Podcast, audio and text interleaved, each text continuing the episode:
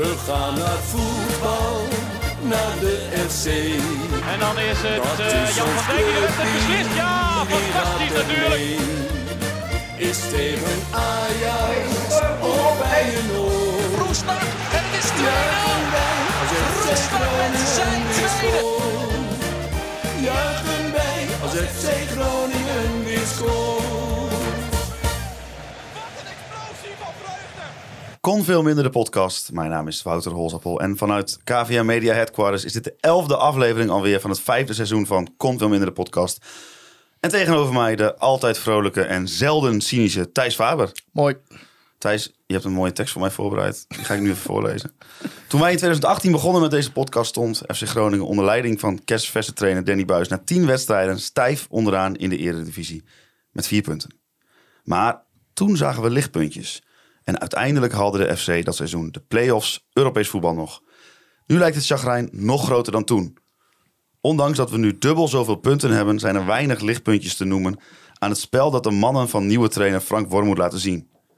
Maar in tijden waar er op FCG-vlak maar weinig licht aan de tunnel lijkt, is er altijd een man die ons al vijf seizoenen regelmatig van nuance, rust en analyse kan voorzien.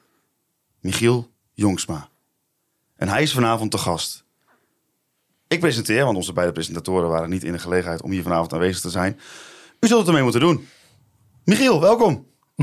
Dankjewel, Wouter. Ja, dit is een introductie. Ja. dat is een introductie. Die, eh, Ja. die ga ik onthouden. Die eh, gaat ergens op een, eh, gewoon op een vinylplaatje, zodat ik hem later gewoon uit de kast kan trekken. Ja, ik zou hier zelf eigenlijk ook niet zijn, want ik ben, eh, kom net terug uit een weekend Wenen. Dus ik heb de wedstrijd ook half op een telefoon wel niet gezien. Maar ja, onze presentatoren konden hier niet zijn. Ik heb ook Ehm, een dag lopen wenen. Ja, Thijs, een vol uitvak. Eh, hoe was de away day? Eh, ja, we hadden natuurlijk eh, verplichte buscombi, dus dat was wel kut. Maar de sfeer in het uitvak was heel goed. Daar heeft het niet aan gelegen, dus, dus dat was prima. Broodje Benam gehad. We kregen nog een vraag binnen van Kevin Koers of je alweer een beetje bekomen bent van wat vuurwerk bij het uitvak. Ja, het was na de wedstrijd nog even onrustig rondom het uitvak. Dat stond volgens mij net ook op, op politie.nl een en ander. Ja, nou ja.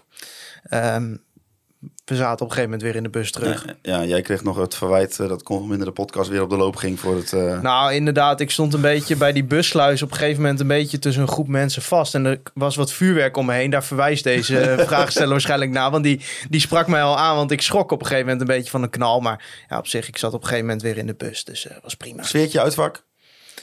Ja, een hele goede sfeer in het uitvak. Ja, zeker. Ook weer, weer met veel mensen die kant op, wat heel mooi is. Dus ja, wat moet je ervan zeggen? Het is jammer dat de spelers eh, er geen fuck om lijken te geven. Dus dat is prima. FC Twente die eh, won van FC Groningen met 3-0. De eerste helft eh, bleef het 0-0, maar in de tweede helft scoorden Misitjan, Brenet en Van Wolfswinkel... die ook nog eens een bal via de onderkant van de lat en de paal net niet of wel over de lijn zag gaan. In de opstelling moest Verrips, ja, die moest verstek laten gaan. Dus Leeuwenburg stond er op de goal en Ngongo stond erin. En volgens mij ging dat, eh, als ik het goed heb, ten koste van Orland Magoen. Eh hoe hoe eh, keken jullie daar vooraf naar? Ehm, nou ja, je wist natuurlijk al dat je Balker sowieso er niet bij zou hebben vanwege, vanwege een schorsing. Oh, die mis ik even, ja. Dus, dus dat, dat speelde ook wel, wel een rol in de, in de voor, voorbe- voorbereiding.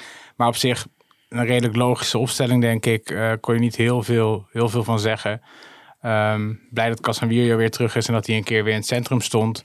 Ehm, ja, en voor de rest paste nou ja, de, de, op, de opstelling eh, en de noodgedwongen wissels wel een beetje in het eh, patroon van dit seizoen tot nu toe, denk ik. Ja, en het, eh, het was 0-0 in, eh, in de rust. Eh, Ja. Hoe zouden jullie die eerste helft omschrijven? Ja, dus eigenlijk, nou, het is niet een wonder dat het 0-0 was, maar de Twente heeft wel echt kansen gehad in de eerste helft. Ja, ik heb, ik heb echt 90 minuten lang geen seconde het gevoel gehad dat we iets gingen halen. Voor, voor mijn gevoel speelden we daarom niet te, niet te verliezen en je zag aan alles, aan de defensieve kwetsbaarheid ook in de eerste helft, dat dat toch niet ging lukken. Dus ja, het was gewoon echt eh kans, kansloze middag eh, op het veld. Ja. Nou, rust en nuance en analyse. Ja, nou, ik ben, ik ben gelukkig niet zo negatief als Thijs in deze. Ehm, nee, ik vond de eerste helft eigenlijk best wel bemoedigend. In de zin van, als je kijkt... Nee, maar qua veldspel kwam Twente er gewoon heel moeilijk doorheen. Groningen gaf vaak wat, wat dom een corner weg of een vrije trap weg. En daar kwam, kwam echt het gevaar uit. Maar als je kijkt gewoon wat er verder werd gecreëerd... Ja, afstandsschoten. Heel veel afstandsschoten, dat wel. Vooral eh, Michel Flap, die was, eh, was Ja, stevig die, die bezig. lieten ze ook vrij voor mijn gevoel. Die, ja, die dat was gek. Dat was gek. Alleen het was wel zo, ja, dat waren schoten van een meter of twintig ongeveer. Ja. En, en dat was op zich helemaal niet, eh, niet super dreigend. Hij heeft een goede trap, dus het, het zag er enger uit dan dat het was. Maar leg je Maar- de lat nu niet een beetje laag, Michiel? Was, Ehm, had het niet ook met je verwachting te maken? Kijk, tuurlijk Twente, heeft het Twente heeft goede te ploeg. Hè? Laten, we, laten we dat er alvast bij zeggen voordat we nu weer losgaan over FC Groningen. Maar, maar Nee, maar ik, als ik gewoon even eh, kijk... heb jij drie passes achter elkaar zien aankomen in de eerste helft? Nee, maar dan, dat hangt inderdaad van je verwachtingspatroon af. Drie passes achter elkaar op de helft van de tegenstander die aankomen is een zeldzaamheid momenteel. Maar ik vond het verdedigend Bij Groningen. bij Groningen. Ja, andere clubs die denken er anders over. Nee, maar eh, dat, ik vond het verdedigend helemaal niet zo slecht de eerste helft. Je speelt met, eh, met, met je tweede keeper op doel. Eh, je moet de noodgedwongen wat, wat wijzigingen maken achterin. Ik vond wel inderdaad dat Flap heel gemakkelijk vrij kwam. Ik snap nog steeds niet helemaal hoe dat middenveld koppeltje Duarte Pedupesse moet gaan werken. Want in mijn ogen ging daar ook heel erg veel fout. En dat werd de tweede helft door Twente goed, hoe dat, goed afgestraft.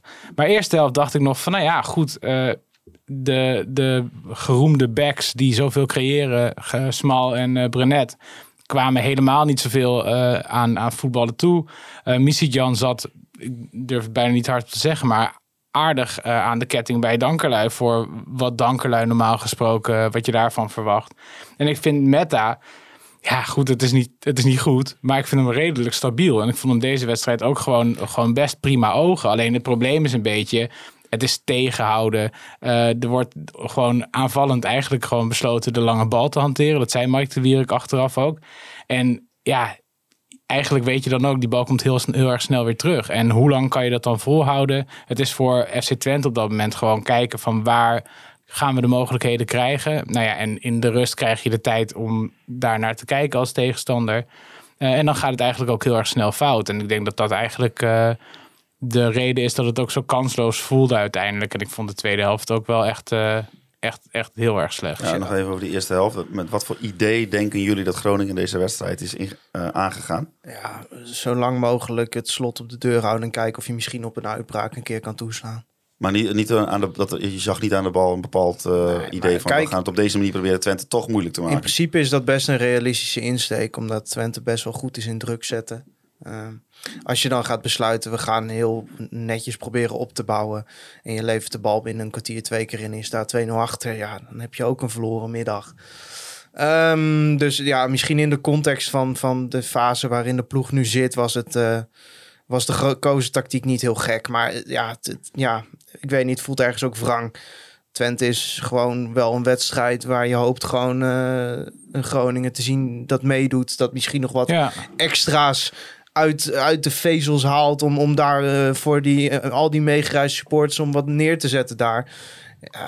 Nou, ik, ik vond een beetje het wrangen eigenlijk. Dat, dat Soeslof gewoon, die lijkt wel echt een beetje zich hervonden te hebben. Het komt er nog niet echt uit qua, qua voetbal, maar qua strijdlust, qua, qua, qua werkethiek zit het allemaal wel goed. En dan moet Ik- hij het meteen bekopen. Ja, precies. Want de, de, de verdedigende wisselwerking met hem en Ngonge op die kant was best wel goed. Want ze, ze probeerden echt over de kant van Dankerlui steeds er doorheen te komen. Alleen omdat daar best gewoon, daar werd het best wel goed dichtgestopt. Eh, daardoor hoefde, eh hoefde Duarte of Pedopessi daar ook niet de hele tijd heen. Het stond gewoon best wel oké. En dan worden er wat domme vrije trappen weggegeven en wat corners. En dat is dan gewoon meteen eh doodeng. En dan helpt het ook niet dat je gewoon niet de allerbeste keeper van de competitie op doel hebt staan. Het zorgt ook voor wat onrust hier en daar. Deed maar, prima zijn werk trouwens. maar de, die eerste helft, ja, zeker. Die eerste helft was echt, echt, echt prima. Alleen de tweede helft heeft Groningen een paar omzettingen gedaan die eigenlijk gewoon niet goed uitpakken. Eh, hoewel ik Abraham niet eens zo slecht vond invallen. Ehm, en eh, ja, wordt er redelijk snel gewoon een fout afgestraft.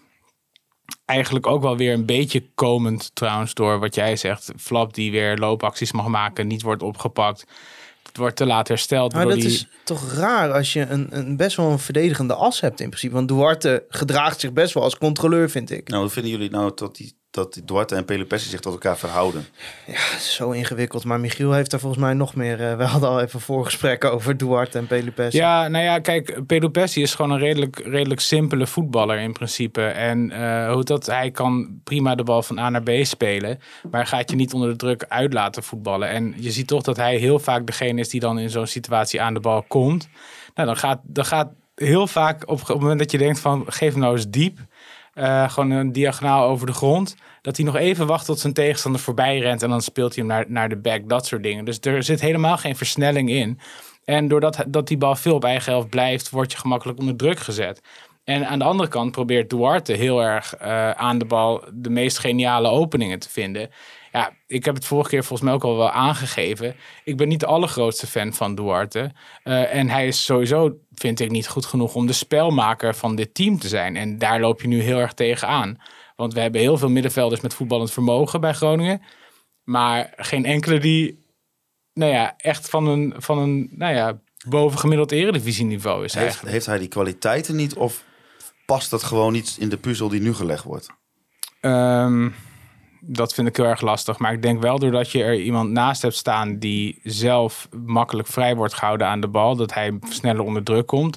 En hij heeft simpelweg niet het voetballende vermogen om onder die druk vandaan te voetballen. Hij kan aardig wegdraaien, maar hij heeft niet echt het gevoel voor eh vooruitkijken, kijken wat er gebeurt voordat de bal bij hem is. Dus Nee, het blijft allemaal redelijk. Zijn kwaliteiten zijn toch vooral met de bal aan de voeten. En niet echt dat Pasen is, is wel... Nou, en, en kijkgedrag ook. Ja, precies. Ja. Dat, Gewoon is, dat, dat is je, ik, dat je eh, op het moment dat je de bal ontvangt al weet wat je moet doen. Ja. Dus als je dan een keer een snelle uitbraak zou willen hebben, dat Kruger een keer wel diep gaat en, en de bal komt bij Duarte, dan heeft hij altijd nog die seconde nodig waardoor hij eigenlijk al te laat is. Kijk, de beste spelmakers ter wereld, eh, nou ja, noem er eens een paar, uh, Modric, Kroos, die hebben als je een, een bal ontvangt, hebben die de paas al gezien. Ja. Die weten gewoon, het enige wat ik moet doen is controleren en die bal eh, geven. En ik denk dus dat dat laatste twee, dat Duarte dat wel kan. Dus een bal controleren en die bal geven. Maar Ja. ik denk dus dat Duarte dat stukje mist dan dat hij dat hij op het veld zich ervan bewust is eh, waar zijn medespelers zijn. Dus hij is wel bewust van waar zijn directe tegenstander is. Want hij heeft soms van die aannames waar hij gewoon meteen een tegenstander mee uitspeelt. Ja, en, wat Michiel zegt, als je daarnaast Pelupessi hebt staan. Ja, Pelupessi die is heel goed in balletjes breed geven. En als Pelupessi nou een speler was die, zeg maar, eh, na- naar eredivisie gemiddelde, eh, echt, echt bovengemiddeld goed was in de duel, in, in, in, in vooroploop in de strijd, dan had het misschien gewerkt. Maar Pelupessi is dat voor mijn gevoel tot nu toe ook En niet. Valt hij dan tegen of is hij gewoon een andere speler dan we misschien van tevoren in ons hoofd hadden? Wat we hadden gehoopt of zo? Ehm, ik denk dat het een beetje een combinatie van beide is. Het is ook wel zo van, we hebben nu over dat Duarte niet wordt geholpen door het systeem. Eh, je ziet ook dat Duarte zich heel erg eh, probeert in vorm te voetballen. Want hij rent zich een ongeluk, dat Ja. is niet normaal. Maar daardoor trekt hij ook heel vaak de verdedigende situatie eh, uit elkaar. Je hebt een paar momenten nu gehad. Tegen RKC was, was er natuurlijk een voorbeeld bij, die, eh, bij de penalty eigenlijk. Dat daarvoor hij staat voorbij de hele situatie. Omdat hij te enthousiast te veel wil doen. Tegen Twente ook een aantal momenten dat hij veel te hoog staat. Waardoor dat gat voor die verdediging heel groot wordt. Voor Pedro Pessi, als hij verdedigend goed moet zijn. Het is geen Matusiwa en dat is absoluut geen schande. Maar heb je dan wel heel erg veel werk met alle dingen die je moet dichtlopen. En je zag bij de 1-0 ook dat Pedro Pessi mee moest lopen met Flap. En eigenlijk daarna meteen moest aansluiten bij Dankerlui om daar weer eh, eh, een blok te zetten. Nou, dat, dat redde hij niet. Hij was moe of was er niet scherp op. Duarte was echt nog veel verder naar voren. Ja. Dus ze staan ook niet, zij verhouden zich niet lekker tot elkaar. En je ziet ook dat Duarte, nee, dat is meer de doorjager. Maar die staat soms gewoon echt 10 meter vanaf de zijlijn ergens eh, te helpen, zogenaamd. Eh, waardoor er een gigantisch gat op het middenveld achter hem komt. En het gebeurt niet alleen aan de linkerkant, het gebeurt ook aan de rechterkant. Dus eigenlijk staat die, ehm, sta- staat, staat die formatie, die, die verdedigende stelling staat gewoon niet goed. En wat heel gek is, kijk, als Duarte nou gewoon, eh, als je nou zegt van we willen iemand hebben die daar inschuift. en je houdt de rest van de verdediging redelijk vlak. Misschien kan dat dan nog, dat je gewoon iets dichter op elkaar probeert te spelen. Alleen aan de andere kant heb je, heb je vleugels, eh, heb je backs al zoals Meta en Dankerlui, waarvan je verwacht dat zij runs naar voren maken. Dus eigenlijk kom je de hele tijd in een situatie waarbij iedereen maar op elkaar moet anticiperen om te kijken wat er nu gaat gebeuren. Ja, want als je, want als je dat vergelijkt met Twente bijvoorbeeld, hoe die af en toe combineerde, joh. Dat is, die, weet- die, maar ik denk serieus, als Flap zijn ogen dicht had gedaan, had hij ook geweten waar, die, waar Van Wolfswinkel de hele tijd liep. Ja, Dat zijn gewoon kunnen, vastigheden. Ja, het zijn vastigheden. En er- zit natuurlijk ook wel een kwaliteitselement. Ja. Ik vind Zerouki is een hele goede middenvelder. Kjöle is ook een goede middenvelder. Ehm, alleen het punt is wel gewoon, ja, als je daar, als je dat, als je die verdediging ehm, en, en dat verdedigende blok ervoor, als, dat, als die afstemming wat beter is, dan is het voor Twente niet zo gemakkelijk Nee. voetballen. Want het is gewoon heel gek dat je, eh, dat je je backs laat opkomen, of in ieder geval de ruimte geeft om ze naar voren te laten dribbelen aan de ene kant. En dat je tegelijkertijd ook jouw beide eh, centrale middenvelders vaak laat inschuiven naar voren. Want dan komt, komen Te Wierik en Casemiro in één keer met een gigantisch gat voor zich terecht. Ja. En daar, dat is waar Flap leeft zo'n beetje. Dus ja, het, het is heel moeilijk om uit te leggen wiens schuld dit is. In de zin van, is het een trainer die dit instrueert? Is het de speler die het niet durft uit te voeren? Het is natuurlijk eh, na afgelopen week waarbij Te Wierik ja, of de backs die je hebt, hè? Ja, precies. Dus, want, want met Dankelui en Meta heb je gewoon twee backs die sowieso wel die runs gaan maken. ja. Instinctief al ha- haast. Dat denk ik wel. Maar ik heb bij Meta ook wel het idee dat het ook wel eh, een opdracht is, zeg maar. Ik heb wel het idee dat hij niet zomaar blind de hele tijd naar voren aan Nee, maar je, rennen is. je leeft ook verdedigend wel heel veel met hem in. Dan snap ik ook wel dat je de baten wel wil. Nou, als je maar. nou even gewoon puur kijkt, ik ga, ik ga even toch lekker op mezelf betrekken. Ik zat in eh Wenen op het terrasje, ik had mijn telefoontje open.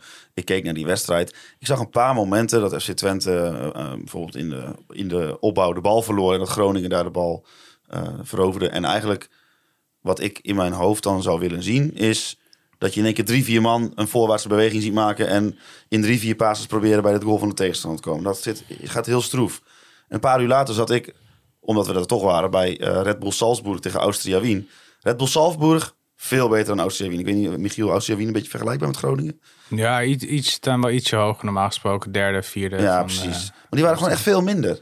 ja. Die, die werden eigenlijk gewoon weggespeeld. Maar je zag elke keer als, er, als ze de mogelijkheid zagen van... oké, nu moeten we. Dan gingen ze echt met vier, vijf man als een soort Ja. sneltrein... denderden ze naar de overkant. En dan kwamen Ja, één, maar- één en bijna twee Dat doelpunten is ook zo'n punt, hè. Je gaat toch een beetje op de counter spelen op een gegeven moment. Wat niet erg is tegen Twente uit, hè? Nee, nee, nee, maar ik bedoel, je gaat op de counter hopen. Maar Ja. hebben wij pure snelheid in de ploeg? Weinig. Niks, toch? Nee, Meta werd er redelijk overtuigend uitgelopen door Brenet de Ja. tweede helft. En eh Dankerlui, eh, die, eh, die deed Nee, maar- heel knap tegen Misijan. Maar dat zijn niet Kijk de posities dan. waar je, het, waar je het inderdaad op zoekt. Kijk dan voorin. Je hebt eigenlijk op een soort linksbuiten heb je Kruger staan. Trouwens, raar. Wormoed werd tegen de op de presentatie tegen ons gezegd... Wormoed wil met echte buitenspelers spelen. Ik heb nog geen één wedstrijd een echte buitenspeler gezien. Abraham misschien een keer. Ook dat is wel met Kijk naar de eerste helft, Kruger. Ja, Kruger is volgens mij niet de speler die eh, met, met op de counter even drie, vier man eruit loopt als hij een diepe bal krijgt. Peppi is ook een spits die of de bal misschien in de voeten moet hebben. Hij heeft vooral bal op zijn hoofd gehad tegen Twente. Of in de 16 gevaarlijk is. En Gonge is een speler die de bal komt halen. Maar dan, ja, zit er dan snelheid in? Nou, en Gonga heeft wel snelheid Ja, natuurlijk. die heeft het wel, maar niet eh, pure snelheid. eh, de gemixte snelheid. Nee, maar ik bedoel, loopt, die, loopt, loopt Nee, is- Gonge de back van Twente de zomer uit? Nee, maar ehm, in principe zou hij daar wel mogelijkheden moeten kunnen hebben. Alleen wat het wel een beetje is, en ik wil niet te veel als wor, worm moet klinken, maar je kan dit natuurlijk alleen maar als je eerst hebt geleerd hoe je, hoe je tot elkaar verhoudt in het, in het veld. Ja. Ja. En ik heb het idee juist dat er nu af en toe iets te snel wordt geprobeerd om die bal maar naar voren te krijgen. Terwijl er waren een paar kleine fases waarbij gewoon iets meer tijd werd genomen met de opbouw. Iets meer ehm, nou ja, eerst kijken, daarna spelen in plaats van... Ja. eh, en, toen, en toen had Twente echt wel wat meer moeite. En dat waren hele korte momenten hoor. Maar, maar wat meer moeite om, om Groningen, grip op Groningen te krijgen. En kijk, uiteindelijk je, die, die wedstrijd eindigt 3-0. En het voelt alsof Twente eh, nou ja, nog te weinig heeft gekregen, zo'n beetje. Maar er zitten, er zitten gewoon een aantal dingen in waarvan ik denk, ja, Abraham die een goede dribbel inzet. En je denkt van nu geef je de paas, nu, nu, of nu schiet je. En hij dribbelt door. Ja. En dan komt er niks uit. En Oral Mangoen die kreeg een, ook, ook een keer een bal van Ab- Abraham volgens mij. Dat je denkt van, als je deze niet schiet, waarom denk je dan, dan denk je nog dat je een aanvaller bent? Ja. Dat soort rare dingen, dat heb je wel. Dus maar het is... kun je dat, zeg maar, jij, jij zegt ze weten niet hoe ze zich tot elkaar verhouden.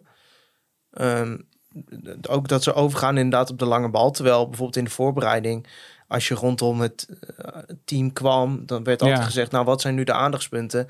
Nou, eruit halen dat ze voor de lange bal gaan. Ja, Dat was een van die dingen waarvan ze zeiden, dat willen we niet meer. We willen niet meer dat die bal blind naar voren wordt geschoten. Maar blijkbaar is er zoveel onzekerheid, ook defensief in het elftal geslopen, dat ze nu maar hebben gezegd, ja jongens, Twente kan goed druk zetten, peren maar naar voren en hoop maar dat hij goed valt of zo. Ja. Even chronologisch de eerste helft afgesloten 0-0. En vlak Ja. na rust eh Missy-Jan met eh nou ja, de en- en 1-0. kijk, die wedstrijd is allemaal leuk, maar in principe zijn de eh, fundamentele discussies eronder veel interessanter natuurlijk. Ja, ja, maar even Kijk, nog, je hebt daar gewoon kansloos verloren. Ja, maar nog heel, stel je voor, nog heel even die goals bij langslopen ja. die, die vallen. Uh, Missy-Jan, die eh Ja, goede goal. goede goal. Dank, Ja. Dankelui stapt een beetje te ver door. Eh, Dankelui kwam in een situatie dat hij een keuze moest gaan maken, wat gewoon heel lastig is als rechtsback. Ja. Ja. En zeker als je dan tegen een buitenspeler speelt die goed in vorm is, ja, die maakt zo'n goal. Nou, wat lastig was, was dat, er, eh, dat Twente was er met volgens mij drie man uit tegen vier van Ja, Groningen. waaronder En- weer die vrije flap, hè? Ja, en Casemiro moest kiezen of hij Mike de Wierik rugdekking gaf ten opzichte van Van Wolfswinkel of niet. En hij deed dat wel. En dat was best wel logisch. Maar Flap die maakte een run waar Pelupessi nog achteraan zat. En eh, hoe dat, daardoor was het gat gewoon heel erg groot tussen Dankerlui en Casemiro. En Dankerlui had daar misschien iets scherper op kunnen zijn, iets agressiever. Alleen, ja, weet je, Misijan is, is geen slechte voetballer. Die straft het dan ook meteen af. En ja, het, het was een beetje een optelsom. Zo voelde het een beetje van eh, dit, Ja. dit gaat een keer gebeuren. Want ze hadden een minuut of twee ervoor volgens mij ook een, eh, een behoorlijke Ja. kans. Ja, Dat, via eh, Brenet. Dat was dus dat Brenet eh Ja. Mata er zo eh, uitliep. Ja, maar was het dan zo dat je- is er dan iets in de rust gebeurd waardoor het in Nou, één keer... ik, denk dat, ik denk dat ze bij Twente gewoon even een paar aandachtspunten op papier hebben gezet. Van nou, hier is Groningen kwetsbaar. En daardoor zag je ook dat Brenet kwam de tweede helft veel beter in de wedstrijd. Nou, wat, wat ik heel gek vond eh, in dat opzicht, eh, om dan ook even die, die rust eh, dat mee te nemen. Verdedigend, kijk, tuurlijk, die standaard situaties, maar dat is even, dat is meer een breed probleem van FC Groningen. Daar kom ik straks nog wel even op terug. Verder was er niet zoveel aan de hand. De eerste helft niet bedoeld. Eerste helft niet. Nee. Je, weet je, tuurlijk, eh dat Prupper krijgt een hele grote kans uit een vrije trap. Ehm, volgens mij heeft iemand, ja, er waren een paar, paar van dat Ja, soort en eh, situaties. een, kopballen, een eh, vrije trap die ja. doorschoot waar eh, Leeuwburg nog heel goed bij ja, precies. En- bal op de lat. Een bal op de la- maar dat is een vrije trap. Ja. Dat, dat kan gebeuren. Ja. En, en voor de rest was er niet zoveel aan de hand. Ja, en dan wissel je met Ngonge je, eh, een van je meest, eh, cre- nou creatief is misschien niet het juiste woord, maar aanvallend meest getalenteerde spelers. En je, je wisselt je andere spits naast Peppi. En die, die vervang je door Abraham, die nou één doelpunt heeft gemaakt in 50 wedstrijden, denk ik dat het nu Twee. is. Twee? Oh, excuses. Ja, Nando Twee. vraagt ook via Twitter. Hij speelde zijn 50ste wedstrijd voor de FC. tegen Ja, hoor, Twente. 53 inmiddels. 53ste. Ja. nou, Nando het fout. 50ste Eredivisiewedstrijd. Uit de Eredivisie En, wedstrijd. en op de andere kant zet je, vervang je, eh hoe heet het, eh, Kruger Kruger voor. Oramangoen. voor Oramangoen. Andersom. Nee, Oramangoen voor Ngonge. Ja. Oramangoen kwam voor Nou, in ieder geval, je haalde je Ja, twee buitenspelers eraf. die, die, heeft, die heeft nog geen goal gemaakt in de eredivisie. Bedoel, je, geeft, je geeft Twente op dat moment echt gewoon een signaal van... wij gaan hier eh, de boel proberen Ja. verder dicht te timmeren. Terwijl ik vond, ja, Kruger niet nauwelijks gezien... behalve dat ene schotje in de eerste helft. En Ngonge ook nauwelijks gezien. Alleen verdedigend was het prima. Ik snap niet helemaal waarom je daar op dat moment op die manier aan gaat morrelen. Want het zorgt, kijk, die, die, de- het uitvallen van Soeslof zorgt wel voor een probleem. Eh, alleen om dan in één keer nog twee wissels door te voeren. Ja. Eh, ja, het was mij echt, eh, echt onduidelijk. En het, het, is ook, het is ook sneu, maar Orad Mangoen heeft, heeft Gijs Smal ook niet bepaald in zijn zak gehad in de tweede helft of zo. Dus Nee, die, eh, voor mijn gevoel, de backs van Twente hadden de tweede helft veel meer te vertellen. Dan ja, helft. precies. Maar als je ook ziet, die 2-0 en, en 3-0 vallen eigenlijk op redelijk vergelijkbare wijze.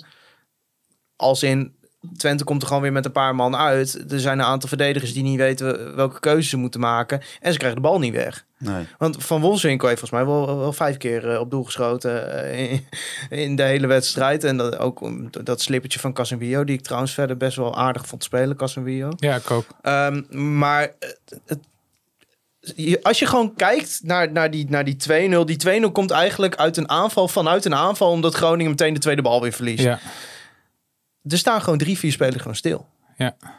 Gewoon gaten worden niet dichtgelopen. Zerouki, die, die zet zelf een actie op. Die bal blijft ergens hangen. Zerouki valt half op de grond. En die kan toch weer door en die voorzet nog geven. Nou, dat bal blijft dan hangen en Brenet schiet binnen. Maar er zijn volgens mij alleen bij die 2-0 al zes momenten dat er een duel wordt verloren. Ja, klopt. Als je dat duel had gewonnen, was het niet 2-0 geworden. Ja, nou, dat is uitstel. Nou, en het was want- ook ongelukkig, want Pelopessi maakte een overtreding op Flap, waardoor Flap viel. Pelopessi eh ook nergens heen kon. Eh, Valente wou meelopen met eh Zerouki, maar die had in één keer Pelopessi voor zich. Dus het was wel een, echt een opeenstapeling van ongelukkige momenten. Ja. En Dankerlui die hem dan misschien nog over had kunnen pakken. Maar weet Ja, je, maar het, het gaat mij meer om het, om, het, om het hele plaatje. Want ja, je kunt elke goal kun je tot, tot, tot elke seconde van de goal eh terug analyseren. Maar gewoon dat, nou ja, maar dat, wat je dat zegt, lijkt gewoon onderlinge afspraken lijken gewoon totaal afwezig. Te Wierik mis, verliest daarna denk ik het duel van, eh, van Wolfswinkel. Ja. Waardoor die bal door kan naar eh Brenet. Ja. Nou ja, dat, de, waar, waar Meta dan niet helemaal scherp is. Maar wat je zegt, het zijn gewoon momenten dat je denkt van ja... Ja, maar er waren, bij elke- alleen die 2-0 ja. waren er al zes momenten dat je ertussen had kunnen zitten. Ja. En bij die 3-0's waren er ook vier momenten dat je er al tussen Ja. Dus op een gegeven moment die 3-0. Kunnen En zitten. ik vind dat misschien eigenlijk wel het meest vernederende moment van de wedstrijd. Hoe eh, de spelers van Twente dat doelpunt vieren. Ze, dat ze er een beetje lacherig om doen van, nou, van Wolfswinkel, ach, je stond zo lang droog. Ja. Heb jij ook een doelpuntje? Er wordt helemaal niet gejuicht. Het is een beetje ongemakkelijk ge- ge- gelach of zo. Van, eh, het, ik weet wel dat, ze, dat zij niet met FC Groningen bezig zijn. Zijn ze met zichzelf bezig. Maar het voelde bijna alsof ze dachten van... Het is ook wel een beetje zielig dat we nog 3-0 maken. Ja, Ja, maar Groningen lag naar de 2-0 natuurlijk helemaal op de rug. Ja. na, naar de 1-0 denk ik eigenlijk. Ja, nog, nou ja, Wat ik me afvraag, je, al je- bijna. je ziet dan FC Groningen de laatste weken. Ehm, ja, het is, hoe eh, verstandig is het om in dit soort gevallen bijvoorbeeld individuele spelers heel erg uit te lichten? Want in een slecht draaiend team, wat heeft het voor zin om een individuele speler zeg maar, te analyseren? Nou ja, kijk, je kunt daarmee wel veel zeggen over bijvoorbeeld aankoopbeleid. Hè? Want het feit dat het collectief niet draait, heeft ook met het selectiebeleid te maken. En dat heeft ook met de trainer te maken. Ehm, maar je, je komt wel, ook, ook als wij die elke week wat van deze club vinden, kom je wel in een situatie terecht dat je bijna elke week fundamentele discussies aan het voeren bent. En het niet meer over Ja. zeg maar de, de dagelijkse gang van zaken aan het hebben bent. En, en ik moet wel zeggen dat, zeg maar, ik heb, ik heb dat hele degradatiescenario nooit zo. Ja, ik denk Eh, altijd van ja. oh, dat komt straks nog. Ja.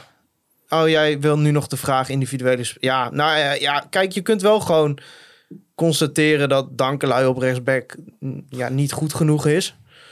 Die, die, ja, ik vind wel eens dat hij wel eens Ja, te veel de schuld krijgt. Maar Dankelui- hij, hij, hij was eh, gisteren ook echt weer niet goed. Maar dan zit je wel met de pech. Kijk, ik denk dus dat Van Gelder een prima rechtsback was geweest.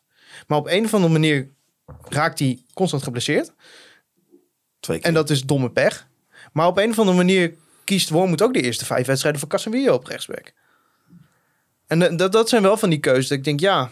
Dus, dus dan heb je het over individuele, eh, individuele spelers. Maar ik denk bijvoorbeeld de Casemiro dat je zondag weer gezien hebt dat Casemiro gewoon in het centrum moet staan. Nou ja, jij, jij, jij haalt net aan bij die doelpunten, haal je allemaal momenten aan waarbij je gewoon, als je nog nooit op een trainingsveld hebt gestaan, kun je gewoon constateren dat die spelers in zo'n aanval van FC Twente eigenlijk geen idee hebben wat ze precies moeten doen om die aanval te- tegen te houden. Nou, nou, en dat is en ook heeft het, eh, dan, heeft, het, heeft het dan op dat moment zin om te zeggen, dank kan er niks van? Dat is een beetje de, de, Nou ja, de Nee, tegenstelling ik die... vond Dankerlui de eerste helft echt prima. Precies, dat, dat is een beetje de tegenstelling die ik probeer ik op te zoeken. Maar je weet wel dat met Dankelui dat er altijd in de wedstrijd een moment gaat komen dat hij zijn linksbuiten kwijt is. Ja. En als die linksbuiten dan Mizidjan is, wat gewoon een hele goede speler is. En als ik even een beroep ga doen op jullie eh, lange termijn eh, geheugen. Want, want in de inleiding gaf ik al aan. 10 wedstrijden, 4 punten van Danny Buis. Waar we het overigens straks ook nog heel kort mee even misschien over moeten hebben.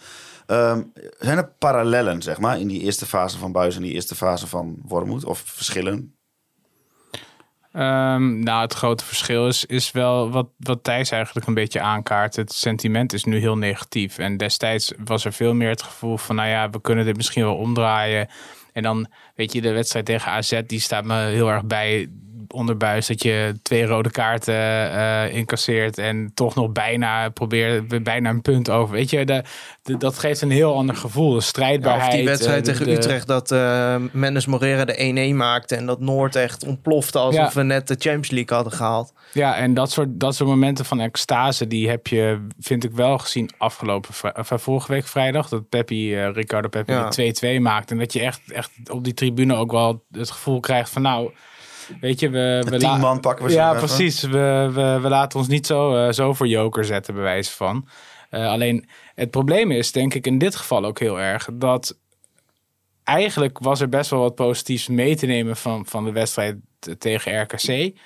Eh, een soort van licht herstel kan je jezelf aanpraten. Alleen blijkbaar in de voorbereiding hebben ze het intern wel vooral gehad over... ja, we krijgen zoveel doelpunten tegen, we moeten verdedigend goed staan... we gaan lange ballen spelen. Terwijl je eigenlijk denkt, tegen RKC heb je voor het eerst in tijden weer iets gezien... wat op positiespel lijkt, op, op aanvallende Ja. intenties. Bal van links naar rechts. Ja, en niemand verwacht dat, dat, dat momenteel dat, dat er bij Twente een punt wordt gepakt. Dus waarom ga je in plaats van het als een leermoment te, te beschouwen of een ont- ontwikkelingsmoment, weer gewoon eh, zo, zo anders om met, met de instelling die je hebt? Dat, vind ik, dat, dat snap ik niet helemaal. En als je gewoon kijkt, ik bedoel, ik, ik ben natuurlijk de man, man van de cijfers.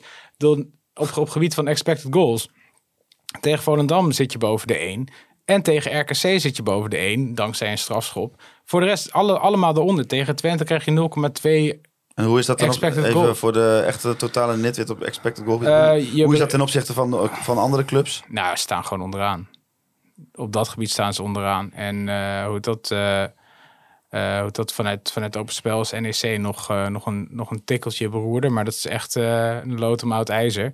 Ehm, maar overal sta je daar gewoon het slechtst voor. En ja, dan kan je nog heel veel gaan, gaan zeggen over dit is een slechte, slechte selectie of slechte spelers of wat dan ook. Maar het ging net over, over het eerste seizoen Danny Buis. Ja, daar schiet Michael Breyer naar een overwinning. Laten we nou niet doen alsof dat een, een betere selectie was of zo. En toen was er tenminste wel de, het gevoel van nou, hier Ja. zit rek in. En die, die, het, het gevoel van dat er hier geen rek in zit, ligt denk ik heel erg aan de wisselwerking met de trainer. En uiteindelijk is er eh, in, die, eh, in dat seizoen van Buis is het omgedraaid. En heel veel doen mensen vaak dat het komt door die transfers. Maar uiteindelijk hebben die transfers niet eens heel veel bijgedragen. Nee, nee, wel individueel. Wel. eh, eh, gewoon een paar wedstrijden. Dat je Ja. Bruns had Bruns één hele goede Bruns wedstrijd. tegen, inderdaad, de eerste Eh, wedstrijd meteen ja. geloof ik. ja, tegen Gladon. Belhassani heeft nog een paar wedstrijden veel kansen gecreëerd. Ja. Maar hoe kijk jij naar de trainer Frank Wormoed, Jongsma? Michiel, sorry. Ehm, Jongsma, Jongsma. Jongsma, Jongsma. nou ja, ik heb, ik heb echt het gevoel dat, dat, dat de trainer die aangesteld is, en dan bedoel ik echt in januari eh, 2022, dus dat, dat het plan er lag, dat die gewoon niet meer, die is er niet meer. Hij, heeft, hij heeft bij Heracles volgens mij echt, echt een gigantische tik gehad. Gewoon van, van, die, van de manier van, van degraderen. En eh, dat hij er daaruit is gebonjourd. Daarna waarschijnlijk er heel erg gebrand op geweest. Om bij Groningen meteen zich goed neer te zetten. Eh, en het sentiment was natuurlijk in eerste instantie ook best wel positief. Ehm, maar ja, eigenlijk, eigenlijk sinds, de, sinds de vorige keer dat ik hier, hier zat, is het echt gewoon van kwaad naar erger gegaan. En ehm, ja, het- ik, ja ik, ik zie dit ook gewoon eerlijk gezegd niet zo snel goed komen. Met deze eigenlijk niet goed komen, nee. Nee, Want- ja, ik heb want- hetzelfde gevoel. Ja, het, het, is, het is heel sneu. Alleen als je. ehm, hoe dat, de strijdbaarheid is er een beetje uit. En je merkt, ik ook gewoon dat geval met, met die podcast van de zaakwaarnemer, die dan probeert een soort van de boel op scherp te zetten. Gewoon die, dat pakt dan helemaal verkeerd uit. Ja. Eh, Frank Wormoed zelf is er niet blij mee. Vervolgens krijg je een. eh, Maar ja, die weigert er dan vervolgens wel weer afstand van te nemen. Ja, maar die wordt ook in een moeilijke situatie gebracht. En vervolgens krijg je het Radio Milko eh, verhaal met Flederis, die eigenlijk gewoon, hij zegt het niet, maar hij zegt het ook wel. Ik verbind mijn, li- mijn lot niet aan deze man. Nee. Ja. Ja, Nee, ik dat, vind sowieso- dus dat- dat- als hij dat zegt, dan is, de, dan is het de, de, su- de suggestie van zijn zaakwaarnemer van als Wormoed niet tevreden is over spelers, eh, dan gaan ze er deze winter uit. Dat lijkt me dan meteen ook. eh, Ja, eh, ja. ook Je gooit hem er al in, dus misschien goed om daar meteen even op door te gaan. Want uh, Vladeris, Mark-Jan Vladeris zat bij Radio Milko. Eh, Thijs, eh, wat vond je ervan dat hij daar wel zat en niet bij ons? Nou ja, ik, ik kan niet ontkennen dat ik Mark-Jan even een appje heb gestuurd toen, eh, toen, eh, toen ik hoorde dat hij daar zou zitten. Dat hoorde ik zondagavond al eh, via via. Hij heeft hij me over teruggebeld. Dat is dan heel netjes. Dus Ja. heeft hij even uitgelegd wat zijn overwegingen waren. Dan kom je weer een beetje op hetzelfde verhaal als de vorige keer uit. Ja, ik, ik vind het... ik ben het niet met hem eens dat hij zegt... ik ga bij één podcast zitten. Maar aan de andere kant, ja, ik snap het vanuit zijn positie wel. Ja, Ehm, ja, en, en hij heeft mij ook uitgelegd, want ik had zoiets van, ja, oké, eh, je hebt drie weken geleden tegen mij gezegd van, ja, ik doe geen media-uitingen. En dan ga je nu bij die podcast zitten en, en niet bij ons. Maar toen zei hij wel van, ja, maar er zijn in die, in die drie weken is er wel heel veel gebeurd. Toen somde hij dat een beetje op en toen had ik wel zoiets van, ja, ja, ja, de- heb je gelijk in. Uh, noemde die onder andere ook de podcast met uh, de zakennemer van Wormoed. Dat hoor je sowieso wel een beetje rondom de club. Dat dat wel een beetje een soort omslagpunt is geweest. Dat ze wel dachten van, oh shit, we moeten nu wel echt even weer uh, ook naar buiten gaan stappen. En ook zorgen dat we even weer de rust met elkaar pakken. En die ja. rust gaan we nu niet pakken door niks te zeggen. Want hoe langer wij niks zeggen, hoe... Uh, hoe meer ook de vragen gaan komen. Dus nou, ik snapte dat hij, uh, dat ergens ging zitten. En ja, dat hij dan voor Radio Milka kiest. Ja, goed. Kun je heel veel van vinden. Ik Snap ik ook wel eerlijk gezegd. In de zin van, bedoel, je, je, je bent toch een, uh, een kritische ondervrager. Ja. Uh, vorig jaar is, ze zullen de meeste luisteraars zich nog wel kunnen herinneren. En dat je dan gaat voor een nou ja, wat, wat, wat veiliger uh, medium waar je misschien voor je gevoel iets meer sturing kan. Hij, hij zit er niet om geïnterviewd te worden. Hè? Hij zit er om zijn verhaal te ja, doen. Dat is... En dat maakt wel veel uit. Oh nee, maar dat, dat bedoel ik ook met van dat ik zijn overwegingen wel snap. Um, dus nou ja, ik, ik ja. vond het gewoon zelf jammer. Ja. Maar ik heb ook wel eens zoiets van in, in dit soort situaties zijn wij misschien ook niet de beste plek nee, om te gaan zitten. Je, hij kan beter bij ons gaan zitten als het goed gaat. Ja, en nou ja, dat, nou ja, goed. Uh, ik zeg niks. Uh, gaan we door. Even een paar punten die we eruit moeten halen, denk ik. Want dat, dat zegt ook wel wat over waar we nu staan met z'n allen. Nou, ik proces gaat niet snel genoeg. Nee. Nou, nee. En dan hoor ik sowieso al, ik lees al zelfs bij andere mensen, dus mensen die niet FC Groningen standaard volgen. Uh, dat woord proces, dat uh, is misschien wel een keer leuk geweest. Ja, hè? die uh, enorme loser van de Robert Maaskant kaart het ook oh, al ja. aan, zag ja. ik. Ja, Ja, gelijk, ik was het toch? voor het eerst in mijn leven een keer eens met Robert Maaskant. Dus dat was... Ja, want hij vindt, uh, het proces gaat niet snel genoeg. Wat, Nou, uh, nee, hij zei iets van, ja, uh, je betaalt ook geen kaartje om 80% van de voorstelling te zien. Nou, dat is wel... ja. ja, hiërarchie en leiderschap is onderschat. Want ze willen nu natuurlijk dat oudere spelers... Ja, ja ik, sorry, maar ik vind het heel lastig om daar als iemand die niet op zo, in zo'n kleedkamer Nee. zit, om daar wat van te Nou, zeggen. we- we- maar het komt wel een beetje... Een Ik beetje maak de opsomming af, Ja, dan zou ik, zou ik wel een beetje mijn eh, Ja. algemene take over Nou, die Het podcast. vertrouwen in Wormoed ging het natuurlijk over. Eh, Ja. De media is te kritisch. Ja. Eh, dat is ook zo. Eh, en dus eh, ferm, dat vond ik wel, ook wel opvallend, dat hij wel ferm afstand deed van die za eh, zaakwaarnemer van Wormoed. Tenminste, niet van, die, van de zaakwaarnemer, Nee, maar maar van, van... de podcast, Ja. wat hij erin zei. Ja, nou ja, en, en je hoort ook wel dat dat intern wel eh, geknetterd heeft, Ja. zeg maar. Dat ze daar bij het management van FC Groningen absoluut niet mee eens Wat is eh, jullie algehele beeld van Nou, wat Fred- Fred- de Voordat- boodschap van voordat, Michiel er lekker op in mag gaan, want jij moet mooi aan het woord. Maar eh, mijn algehele gevoel is, elke keer als ik hem wat hoorde zeggen, dan denk ik, ja, dit is de juiste constatering. Maar dit had je al lang kunnen weten. Dit kan toch niet, al die punten die hij aankaart, kunnen toch niet als een verrassing gekomen zijn. Dat die hiërarchie niet klopt. Dat wist je vorig jaar ook al, dat de jonge spelers de leiding hadden. Ja, en dan kun je wel zeggen, nou, we halen Pelopessi. Nou, Pelopessi, jij bent vanaf nu de leider. Ja, zo gaat dat natuurlijk niet. Eh, en, en ook op het gebied van eh, gewoon kwaliteiten van spelers. Ja, weet je, wij hebben hem deze zomer ook wel eens gesproken. En, en ook wel meer mensen rondom het eerste elftal. En er was heel erg zo'n idee van, nou, weet je, Abraham, dat werkte niet onder Danny Buis. Maar deze trainer, nou, die heeft Heracles, joh, die heeft eh, Peterson, Koewas, eh, noem al die aanvallers maar op. Dat heeft hij allemaal beter gemaakt, dus dat komt goed. En Iran dus, dat komt ook allemaal goed. Nou, die worden nog minder gebruikt dan onder Danny Buis, hè, inmiddels. Dus mijn gevoel bij heel veel dingen die Mark Jan zegt is van, nou oké, je hebt het inmiddels door, blijkbaar. Maar dit had je al lang kunnen weten. Ja. En eh, hij heeft de tijd nog om er wat aan te doen in de winter. Ja, en ik, ik, ik vraag me af, ik eh, hoorde dat het in die eh docu 100 dagen Wormoed ook wel heel veel over. Over, dat, over hoe die hiërarchie opgebouwd moet worden. En toen dacht ik ook op een gegeven moment bij mezelf van... Waarom is het zo belangrijk dat je, daar, dat je daarover naar je supporters communiceert? Hoe de hiërarchie in de spelersgroep is? Misschien moeten ze een keer bellen naar, naar Vindicat of zo. Die eh, zijn daar altijd heel druk mee. Eerst iedereen compleet eh Nee, maar is dat, dat, is een dat nou... ontgroeningsperiode Ja. onderboor moet. En dan eh, zullen we daarna wel verder zien. Het is misschien een beetje ironisch dat je als journalist of- en podcastmaker gaat klagen over de transparantie. Maar ik vraag me af, is dat nou hetgeen? Moeten wij nou met Ja, z'n allen weten ze- wie, zijn- in, de- wie kijk- in die spelersgroep elkaar Kijk, laten we wel wijzen? zijn. Flederis is ook gewoon een beetje in paniek natuurlijk. Ja, Want het, het, het gaat allemaal totaal niet zoals hij het voor zich had gezien. En ja, dan ga je teruggrijpen op... eh, en dan probeer je ook weer een beetje met één mond met je trainer te spreken. Nou, dat gaat ook de hele tijd Ja. mis. Maar nou, dan hiërarchieproces, dat soort dingen zijn dan ontwikkeling. dat zijn media. dingen die je erop wil plakken dan.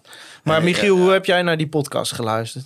Ja, zit het op de bank waarschijnlijk. Maar, maar Nee, lopend. je- ik, oh. ik loop altijd, eh, loop altijd en luister naar podcasts. Een stuk, eh, stuk prettiger. Nee, maar ik, ik, vond het inhoudelijk gewoon prima. Hij, hij, hij heeft zich denk ik nog niet eerder zo kwetsbaar opgesteld. Nee, dat vond Zeker. ik echt opmerkelijk.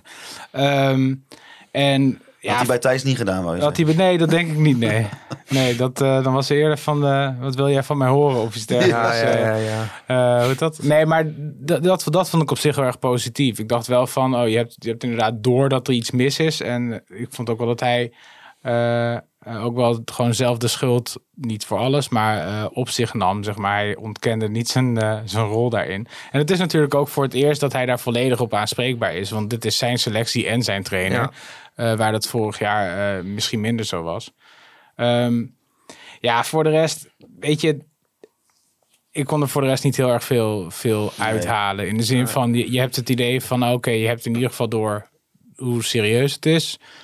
Je hebt ook wel nee, een idee waar de pijnpunten liggen en, en waar je vervolgens de oplossing moet vinden. Ja, goed, als dat zo makkelijk was, dan, eh, dan was dit niet gebeurd natuurlijk. Eh, en eh, dan, hoe dat was, uh, ook heel, heel snel weer naar een andere club gegaan. En niet omlaag, maar omhoog. Ehm, maar wat ik wel interessant vond, kijk, die lokroep om ervaren spelers. Kijk, er- ervaring is natuurlijk een beetje een, een rare term. In, Containerbegrip misschien ja, een beetje. precies. Want het gaat, niet om, het gaat helemaal niet puur om ervaring. Het gaat Maduro om- had ook ervaring. Precies. Etienne Rijn had, ook, Rijn had ook ervaring. En eh hoe dat uh, Pedro Pessi en Te Wierik hebben ook ervaring. Ja. Duarte tot op zekere hoogte ook. Eh, en terwijl ik eigenlijk denk van ja, je hebt gewoon... Je hebt gewoon En Balken niet. en Balker, nee, nee, veel minder. Maar ik denk van ja, van wie had je vorig jaar nou het gevoel dat hij, dat hij een leider was en eh, een positief effect had op dat, op dat groepsgebeuren? Waarschijnlijk iemand als Strand Larsen. Die eh, uitblinkt doordat hij verder wil in zijn carrière. Doordat hij bepaalde kwaliteiten heeft. Doordat hij een, eh, nou, een heel mooi, mooie vorm van zelfvertrouwen uitstraalt.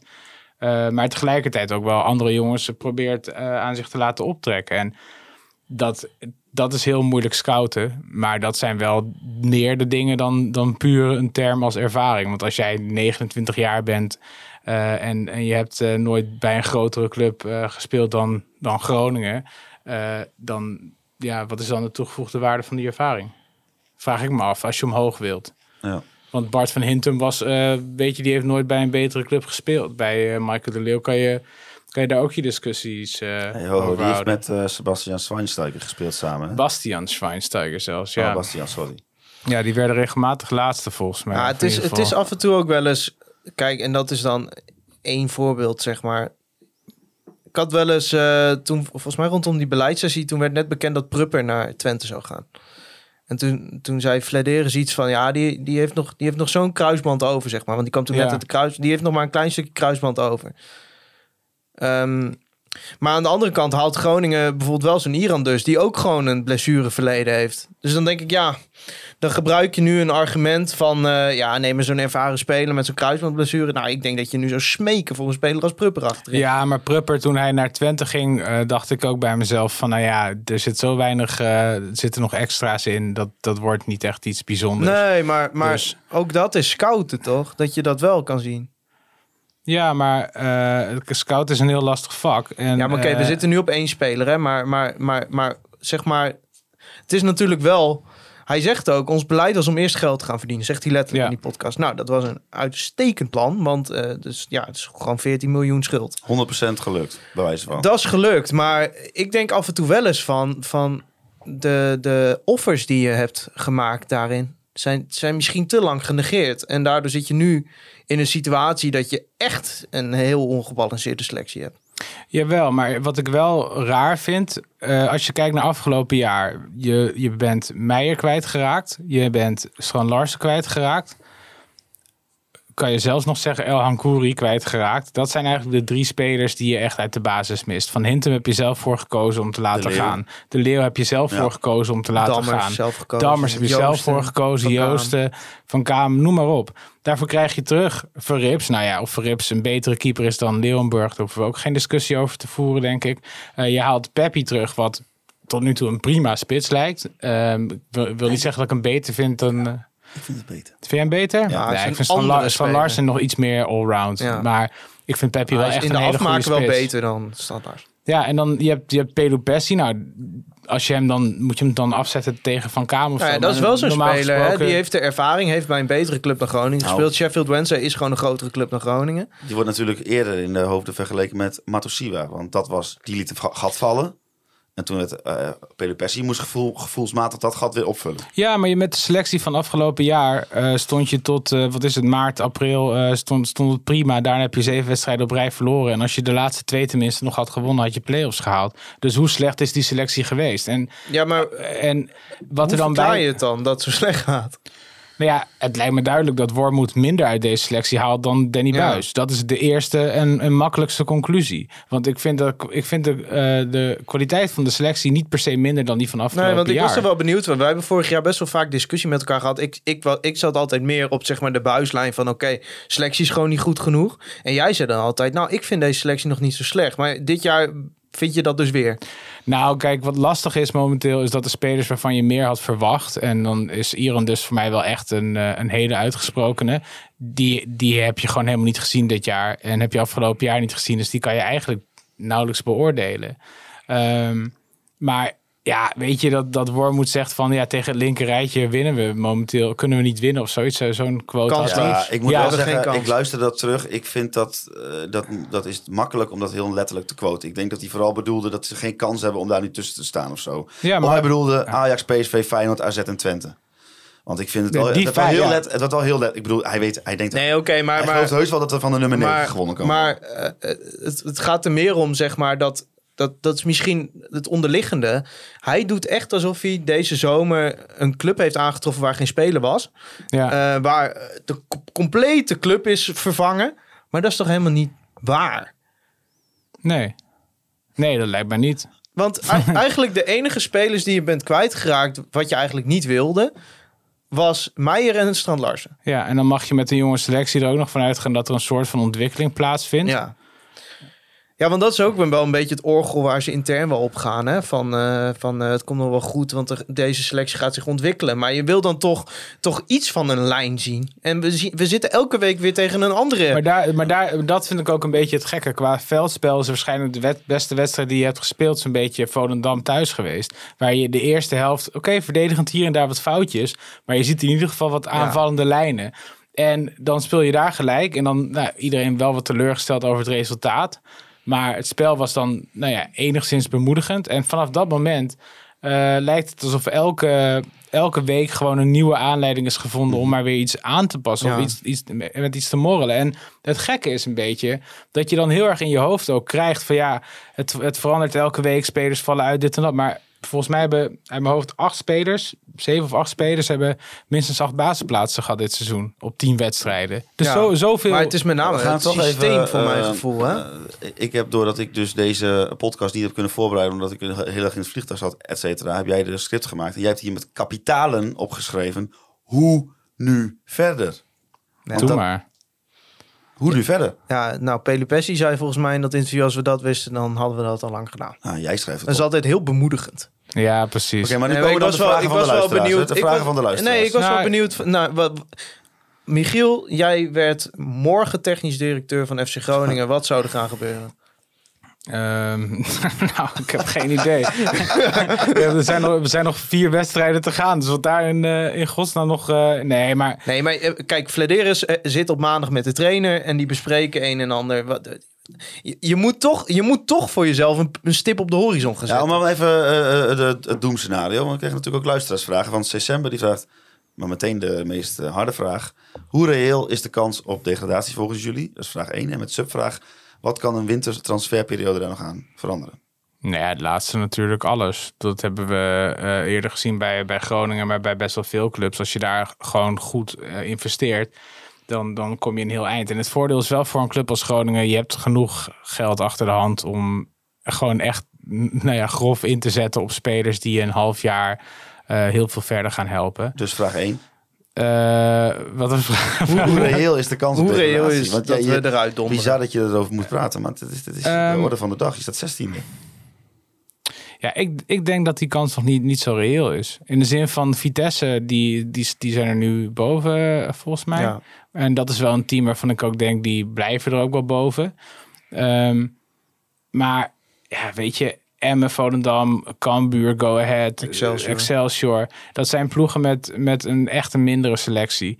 En eh, hoe dat Excelsior heeft een redelijke high gehad. Maar ik denk dat je gisteren heel erg, eh, heel erg goed hebt gezien waarom dat niet heel erg realistisch is dat, dat ze dat volhouden. Ze waren heel trots aan het tweeten over hoeveel reddingen hun keeper had in die wedstrijd tegen Ajax. terwijl ze met 7-1 verloren. Nou ja, is niet heel bemoedigend. Maar goed, dit is geen Excelsior Bash podcast, snap ik. Dus eh, om Nee. even terug te gaan naar Groningen. En, ja, nee, en ik wil er Ehm, ook geen Wo- Wormoed Bash podcast van worden. Maar ja, zijn positie, Nou, dat mag best wel. zijn Hoor. positie begint toch wel behoorlijk wankel te worden in een breed. Ja? Nee, maar ik denk wel dat deze selectie goed genoeg is om eh, erin te blijven. Eh, zeker, er wordt deze winter geïnvesteerd. Daar ben ik er 100% van overtuigd. Maar ik denk niet dat dit de juiste trainer is voor deze selectie. Ik denk ook niet dat Wormoed een slechte trainer is. Ik denk alleen dat Wormoed voor FC Groningen in de huidige fase een slechte trainer Ja, en voor Wormoed misschien ook wel in de fase waar hij vandaan komt. Ja, Ja. dat- ik denk dat dat echt een grote Ja, rol maar speelt. er er zijn gewoon een heleboel factoren waarom dit gewoon voor geen meter werkt. Dus, Nou, ik, ik- ja, de kans op degradatie. Ik heb daar heel erg over na zitten. te- Ja, weet je, kijk, stel, je hebt nu eh, eh, PSV thuis, eh Emmen uit, Utrecht uit, Fortuna thuis. Nou, het is niet ondenkbaar dat je daar nul punten pakt. Nee. Ik zie ons daar echt wel een keer een punt pakken. Ja. Eh, ik zeg het heel voorzichtig, dat is bijzonder. Maar stel je eindigt op acht punten, dan heb je nog 20 wedstrijden over om in principe 27 punten te pakken. Oké, we wilden het niet over handhaving gaan hebben als, als grotere doel. Maar goed, dat is nou eenmaal de situatie waarin we zijn beland. ja, je, kunt, ik- je kunt het eigenlijk sterker stellen. Ah, je, als je in 20 wedstrijden met investeringen en, en hopelijk een nieuwe trainer erbij die twee maanden heeft om tijdens dat WK de boel weer even eh, goed te zetten. Ja, maar jij vindt echt dat er een nieuwe trainer moet komen. Nou, ik ben wel op het punt aangekomen dat ik, dat ik denk dat Wormoed een goede trainer is, maar niet nu voor FC Groningen. Ja. Nou, maar dit, dit- ja, ik, ik, ben het, ik ben het wel met Thijs eens. In de zin van, je kijkt naar een trainer die komt uit, uit een hele negatieve situatie. Die heeft toen bedacht dat hij bij Groningen, waar de selectie ook uit een negatieve situatie komt, dat hij de boel nog eens op scherp moet gaan, gaan zetten door de hiërarchie eh, Ja. te veranderen. Ja, weet je, de, de- Door in interviews die spelers allemaal individueel. eh, ja, en dan, en, en, dan, en dan begin je slecht. Dus dan verlies je gewoon een de goodwill die je misschien nog niet eens had opgebouwd. Die ben je, ben je ook al wel, wel kwijt. En er lijkt gewoon niet echt een einde aan te komen. En ja, weet je, eh, ik, ja, ik heb gewoon echt het idee dat het gewoon voor hemzelf ook gewoon beter is om eventjes gewoon wat afstand te kunnen nemen. En wie weet, als, als, als, hij, als ze nu de komende vier wedstrijden toch nog wel, wel wat, wat lichtpuntjes zien. Je pakt vier punten uit die vier wedstrijden. Je hebt even wat tijd om vrij te zijn. Eh, omdat je gewoon eh, die, eh, die break hebt van het WK. Ja, wellicht kom je er dan weer wat frisser uit. Alleen, Ja, maar denk je ook niet aan de andere kant... Je gaat nooit meer in een situatie komen dat je midden in een seizoen een periode krijgt van twee maanden om een nieuwe trainer te laten inwerken. ja, dat is ook zo. Je hebt gewoon een nieuwe voorbereiding. Nou, precies. Maar Dus dat, dat is mijn eigenlijk moet je, punt, eigenlijk ja. moet je toch gewoon. Ja, oké, PSV thuis, eh, dat mag je verliezen. Maar eigenlijk moet je toch naar, naar Emmen uit, Utrecht uit, Fortuna. Moet je gewoon een conclusie gaan trekken. Wanneer? En, en Aan het eind van die wedstrijd of al eerder? Nou ja, kijk, ik heb mijn conclusie al wel getrokken en ik laat me graag verrassen, maar ik zie momenteel niet waarom. Maar goed, ik ben ook een emotionele supporter. Maar als ik nu beleidsmaker zou zijn, ik, ik zou wel echt, en het is raar, want ik hou ook helemaal niet van trainers ontslaan. En Groningen is ook echt, zeker eh, deze eeuw, geen club die makkelijk trainers ontslaat. Maar ik denk wel dat er, we zijn wel een punt aan het bereiken, en dat is echt heel dichtbij, Ja. Dat, we gewoon, dat er gewoon iets moet veranderen, want anders kom je er niet uit. ja. En de crisis En dan- is anders dan met Buis, want toen zagen we lichtpuntjes en die zien we gewoon niet. Nee, ja, ja. En, en, en het ontslag van Buis is in zijn eerste seizoen ook heel dichtbij geweest. Ja. Maar ja, die had en de steun van de achterban eh, voor, voor grote deel. En ja, toen, ja, ik weet niet. eh, misschien is dat ook omdat je er vier jaar later met de kennis van nu op terugkijkt. Nou, maar nee, de, de, de, er zat wel iets Maar in die even- selectie. hè. je had Mahi, je had Doan, je had Memisevic. Er zat ook een stukje Je schuldbewustheid wat je nu af en toe een beetje mist. Het is nu echt, eh, dat, eh, de journalisten zijn te kritisch, de spelers Ja. zijn zo'n moeilijke groep. Ja. Weet je, allemaal dat soort dingen. En- Ja, oké, maar ik, ik, attributie. ik, ik, Ja. ik doe altijd heel erg mijn best om een trainer niet te beoordelen op zijn interviews. En ik moet zeggen dat de heer Wormoed mij dat heel moeilijk maakt. Ja, wel- Want kijk, ja. bij Buis heb ik denk ik in vier jaar drie interviews gehad waar ik de bloeddruk van eh, zag stijgen. En bij Wormoed eh, zitten we op drie in de week inmiddels. Dus ja, dat interview met Edwin Hoor, dat, sloeg, dat ging echt nergens over. Maar goed, ehm, ja, nee, ja, eh, ik vind het, want het, ja, oké, ik ben een emotionele supporter, maar ik ben niet iemand die vaak zegt van die moet eruit en die moet eruit. Ik denk als je nu vijf seizoenen Conforminder terugluistert, heb je mij dat niet heel vaak horen zeggen. Maar ja, ik, ik durf wel te zeggen dat Wormoed dit... Ik denk dat Wormoed dit niet meer op de rit gaat krijgen. Dan ben je dus hashtag Wormoed oud? Nou Ja, ja, dat zijn altijd van die dingen. Maar ik denk wel... Kijk, die laatste vier wedstrijden... Kijk, nu heeft het geen zin, die laatste vier wedstrijden. Maar ik zou wel... Maar oké, even heel... al- behalve als we ineens de komende vier wedstrijden heel goed gaan spelen... zou ik er lekker een punt achter zetten. En dat kost inderdaad even een handvol geld, denk ik. Ja, Hij heeft nog 2,5 jaar contract. Ja. Man verdient 2,5 ton per jaar. Dus Misschien hebben ze wel een dossier opgebouwd dat die slecht functioneert. Ik weet niet hoe dat werkt in maar dat misschien kan die podcast van de zaakwaarnemer daar nog mee helpen. Maar ik denk, ik denk dat het voor alle, schijnt, eh, alle partijen... gedownload hebben. Dus als je hem nog wil zien. Ik heb hem ook hoor, op mijn computer staan. ik heb, eh, maar ik, ik denk dat zowel voor Flederis als voor, voor, voor ons achterban, als voor Frank zelf, dat het dan, als het inderdaad ook de komende vier wedstrijden niet werkt, dat het, Maar wat dat je het nu al beste merkt... is om het, er een punt achter te zetten. Maar op Michiel, wat... eh, Nou, nou ik, wou- wat ik nog wou zeggen. Je merkt nu, aankomende week... Want jij gaat er even al even overheen. Eerst Dordrecht uit nog, hè? ja, Stel dat je daar verliest. Stel ja, dat maar, je ja, maar dan, dan ga je paniekbeleid PSV. krijgen. Stel dat je Emma uitverliest. Ja, maar op een gegeven moment is het toch niet meer houdbaar. Nee. Dus wat moet je dan doen? Weet ik veel. Ik ben ook geen beleidsmaker. Sander van Gessel voor de groep eh, wordt het dan, denk ik. Ja, ik, ben, ik ben bang dat het eh Art Interim wordt. Art Langere. Art Langele, ja. Ja, maar dan komen we erachter in een blog, mag Ja, Dus dan... eh, Nee, maar, maar, maar Michiel, wat, ja, Hoe, eh, jij maar- bent ook niet iemand die heel snel voor vertrek van de trainer zou pleiten. Nee, maar ik zie jou hier ook. eh, Nee, ja, ik, ik, het, het moeilijke is een beetje... Kijk, het gaat over proces en aanknopingspunten. Ja, en je ziet momenteel gewoon geen van beide. En het, het, ik blijf erbij. Deze selectie is niet zo slecht als dat die nu lijkt. Eh, ik heb net ook al een beetje aangegeven waarom. Je bent niet zoveel sterkhouders kwijtgeraakt... dat het Nee. in één keer helemaal, helemaal kut moet zijn. Je hebt ook gewoon best wel wat, wat breedte investeringen gedaan. Je hebt een, nou ja, een beetje pech natuurlijk wel met Van Gelder en Moussampa... waarvan je dacht van dat kunnen misschien wat defensief sterkere backs zijn... dan eh, Meta en, en Dankerlui die er nu staan. Eh, alleen ja, het, het complete gebrek aan, aan, aan gewoon normale positionering van vooral, vooral de achterhoede, maar ook aanvallend is het natuurlijk eh, is het niet sterk. Maar dat, dat, dat hij dat middenveld niet weet op te lossen en gewoon blijft volharden aan met Pelopessi en Duarte op die manier gebruiken. Dat hij hoe dat de ene wedstrijd probeert eh, te aan te vallen tegen, tegen RKC. En dan de wedstrijd erop maar weer zorgt, zorgt voor, voor een laag blok en tegenhouden. En lange ballen spelen. Maar als je gewoon al tien wedstrijden naar FC Groningen kijkt, dan ga je, je, je bedenkt niet eens dat er een alternatief is voor Duarte en Pelopessi zo gebruiken. Want Nee. er is nog niks anders geprobeerd. Nee, precies. En dat, dat is ook. Het is gewoon heel raar om te zien als je gewoon, gewoon ook weer. te- je ziet het tegen RKC, je ziet het tegen Twente. De, dat hele team wordt gewoon. Je hebt een aanval, je hebt de verdediging. En daartussen is. Je hebt Pelopessi en Duarte, die, die, die, die zwemmen er ook een beetje tussen. En ja, ik, ik zie gewoon niet wat het idee is of wat het plan is. En dat is wel heel frustrerend. En ik denk dat dat heel erg komt doordat het plan gewoon elke week verandert. En Ja. daardoor nooit goed wordt uitgevoerd. En, Nee, want, eh, nee, want ze hebben het niet over tactiek, want ze hebben het alleen nog maar over basisgedrag. Ja. Tenminste, dat is wat Wormoed een paar weken geleden zei. En het, het is misschien een wat Ja, ja. macabere vraag, maar ja, wie, wie dan? Ja, daar, daar, gaat het, daar, daar komt het volgende probleem eigenlijk. Eh, ja, dat lijkt me ook een, eh, ook een moeilijke. Doe je, ja... Rob Penders moet het dan worden, denk ik. Nee, Josh Ulte is vrij. Rob, Rob Penders schijnt wel echt een hele goede trainer te Ja, zijn trouwens. echt goed bij Eindhoven. Ulte is. Eindhoven. Maar goed, het is wel, eh, daarom zei ik macabere vraag. Het is wel raar om over een volgende Ja, trainer dat te vind ik ook-. Maar Maar, ik vind- laten we dan een La- andere vraag. Versterking in de winter.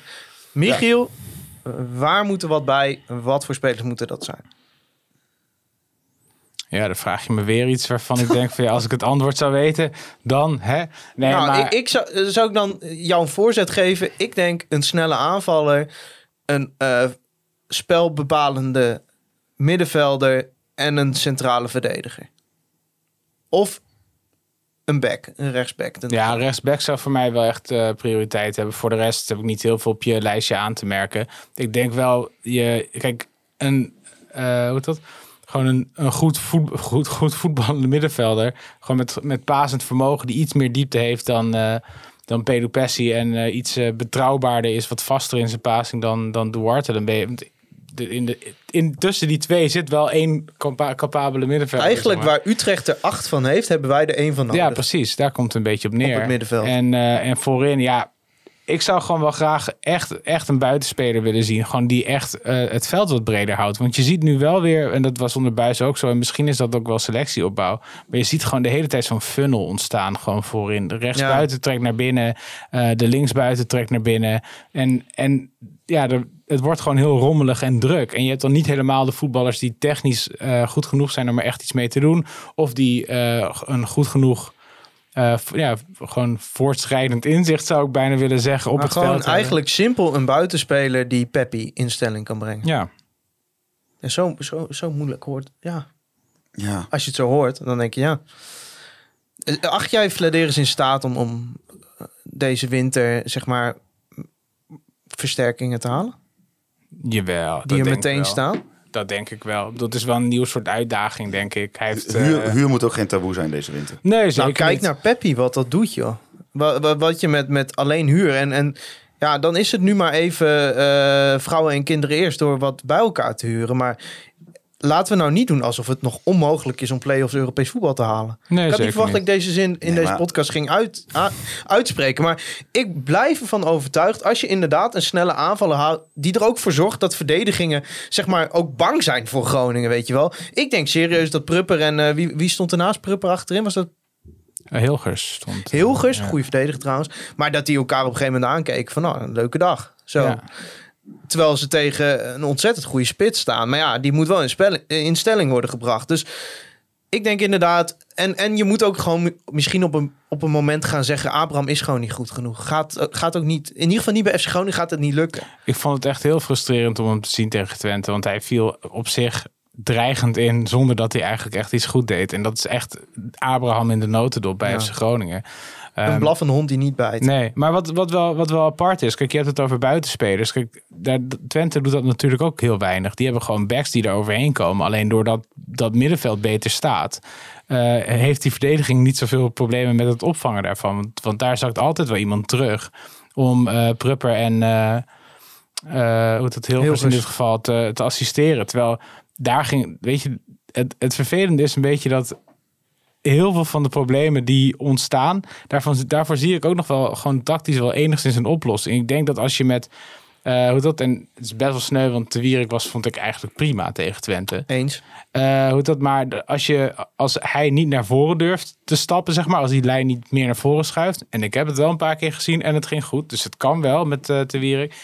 Maar als je dan Balker en Casemiro of in ieder geval Te Wierik gewoon echt dwingt om dat veld wat kleiner te maken, eh, dan kan je ook wat, misschien wat meer met die backs gaan doen. Zorg je dat die middenvelders wat dichter op je staan.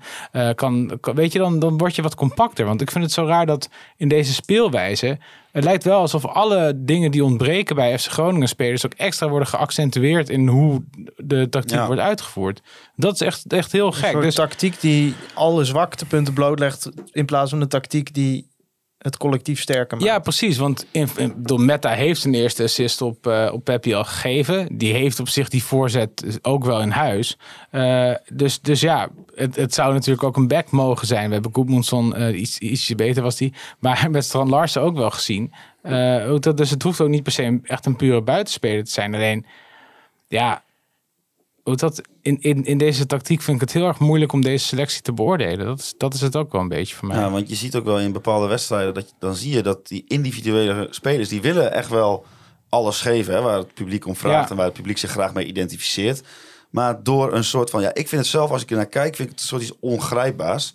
Een soort van, er hangt een vlaag overheen van dat ze elkaar aan aan het kijken zijn van wat moeten we eigenlijk doen. Van, niet, niet iedereen weet op het juiste moment wat hij moet doen. Maar het, misschien- duurt altijd, het duurt vaak een Ja. seconde te laat. Eh, acties worden te laat ingezet, verdedigende acties ook. En ja, daar is eigenlijk, als je het eh, eh, voetbaltechnisch naar kijkt, maar één iemand echt eindverantwoordelijk voor, zeg maar. En dat is dan Ja. de trainer. Ja, en, en die lijkt het ook niet om te weten te zetten waardoor het wel werkt. Kijk, je kunt best met de verkeerde tactiek beginnen. En dat is onder Danny Buis ook vaak genoeg gebeurd. Kijk, we moeten nu niet over Danny Buis gaan doen alsof daar geen slechte wedstrijden tussen zaten. Man, Die zaten er echt legio tussen. En daar heb ik me ook wel eens afgevraagd of die wel het maximale uit de selectie haalt. Maar je had in ieder geval in zijn eerste drie seizoenen, en dan het eerste half jaar niet, eh, een ondergrens.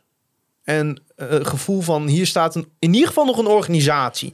Dus als het totaal niet loopvoetballend. En dat liep het vaak. En dat was ook met regelmaat, denk ik, aan Danny Buis te wijten. Maar dan was er in ieder geval nog die organisatie waar je op kon terugvallen. En dat is niet een populair statement om te maken. Dat je zegt van nou, we gaan nu terug op de organisatie. Maar het is in essentie wat ze doen tegen Twente. Dus Maar ik Kijk, ook- maar ik denk dus van deze selectie kan met twee, drie gerichten aankopen gewoon nog prima om play-offs meedoen. Maar ik denk, ik wil daar wel aan toevoegen, ook met een andere trainer. Want ik, ik, want Ja, maar wat, ik- wat, ik wel, wat ik wel heel lastig vind van de huidige situatie is... je hoort veel dingen over hiërarchie. Er zijn ook wel wat dingen voorgevallen over bepaalde spelers in de selectie... die niet de juiste houding hebben, enzovoort, enzovoort. En wat wel heel moeilijk is, dan wil je het liefst nu eigenlijk, denk ik... gewoon, nou ja, wat zij ook wel zeggen... gewoon een leider in het veld hebben... die gewoon echt kijkt naar zijn medespelers... die een wat hoger niveau heeft dan wat, wat de gemiddelde speler in deze selectie nu heeft. En die ook gewoon die jongens daardoor op hun plaats kan zetten...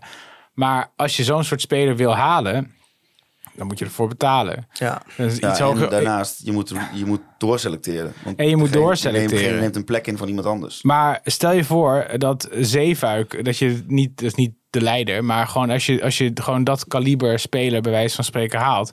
En die jongen zit er niet lekker in, gewoon mentaal op dat moment. Die weet niet die jongens op sleeptouw te nemen. Nog sterker, die is vooral teleurgesteld dat hij bij een betere club weg is. Dan gaat het, gaat het natuurlijk eh, in dat groepsproces iets heel anders doen dan wat je voor ogen Ja. hebt. Dus het is ook best wel moeilijk om uit te vinden hoe je hier nou Je uit moet een kan soort komen. van zo'n psychologische scouting ook gaan doen. Ja. met Nee, de kijk, versterkingen die natuurlijk, eh, Maar ik zat bijvoorbeeld te denken...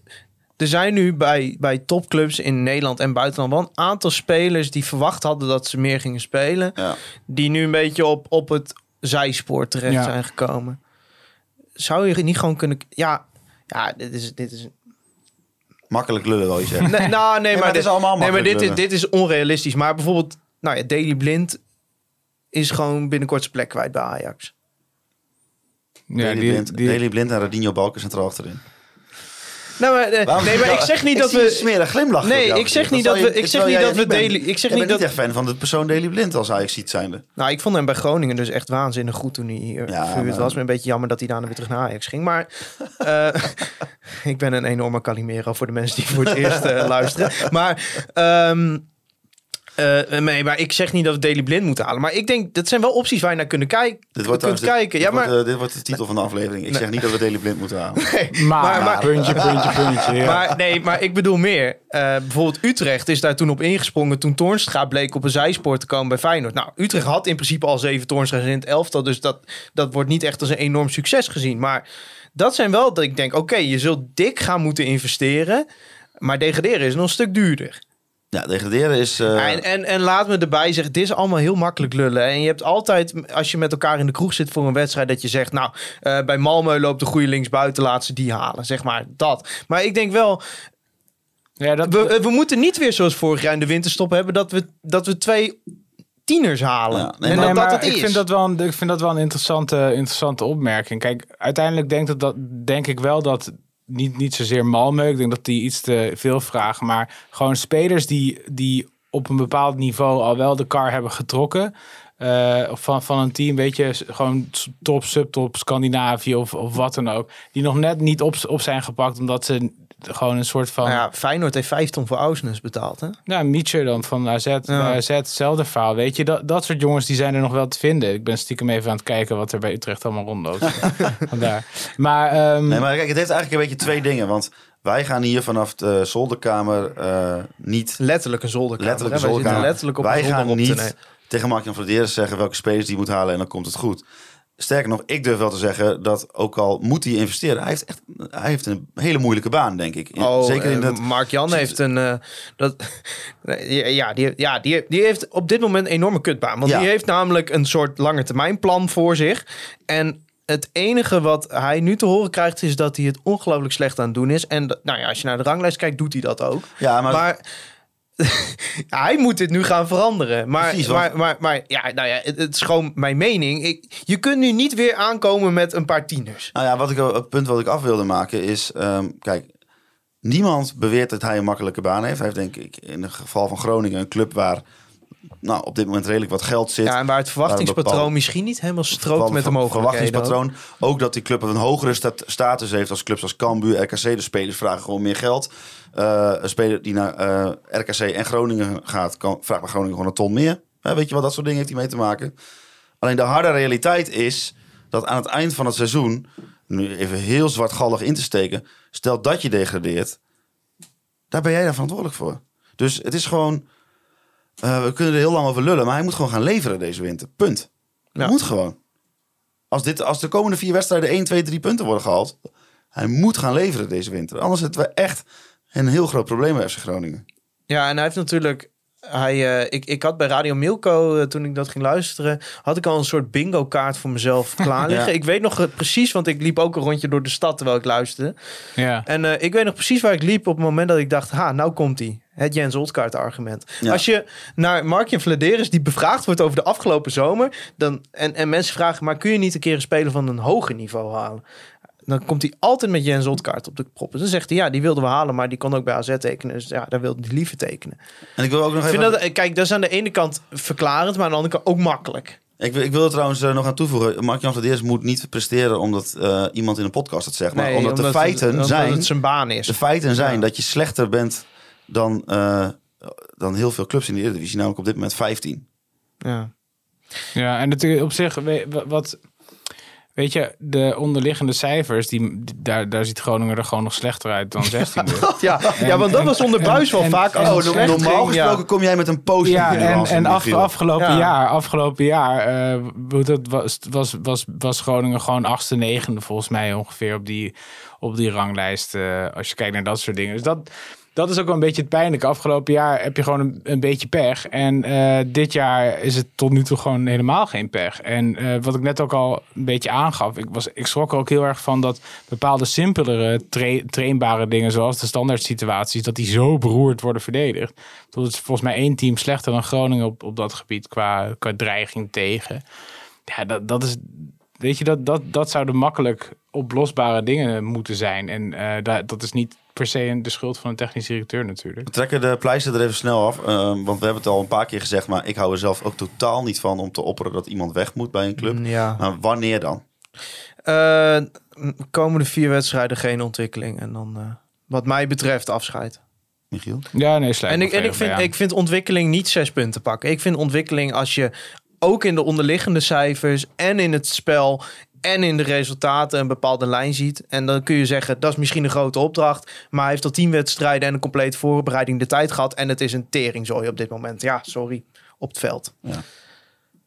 Nou, Nee, maar ik, ik ik denk, dat eh, als je verliest bij uit bij Emmen, dan moet je er gewoon Nou, als je verliest bij Dordrecht wordt waarschijnlijk de druk van buitenaf misschien al wel te groot. Nou, dan maar- gaan we ook maar meteen de brug maken. Nou, wou, wou ik nog Eh, wel, oh, wou, nog even ja. kort zeggen over middenvelders en Utrecht. ik, bedoel, ik heb er niet eentje gevonden bij Utrecht, zo, even, zo 1, 2, 3. Maar ik dacht wel in één keer van, wat waarschijnlijk wel een haalbare speler is die misschien voldoet, is een speler als Mees Hoedemakers, die een aflopend contract heeft bij Cambuur. En ik weet je, dat is niet een ploeg die graag zo'n speler van de hand doet. Maar zij vroegen volgens mij een miljoen van Utrecht of wat. dan? Ja, Of zo, je bent eh, een half jaar verder.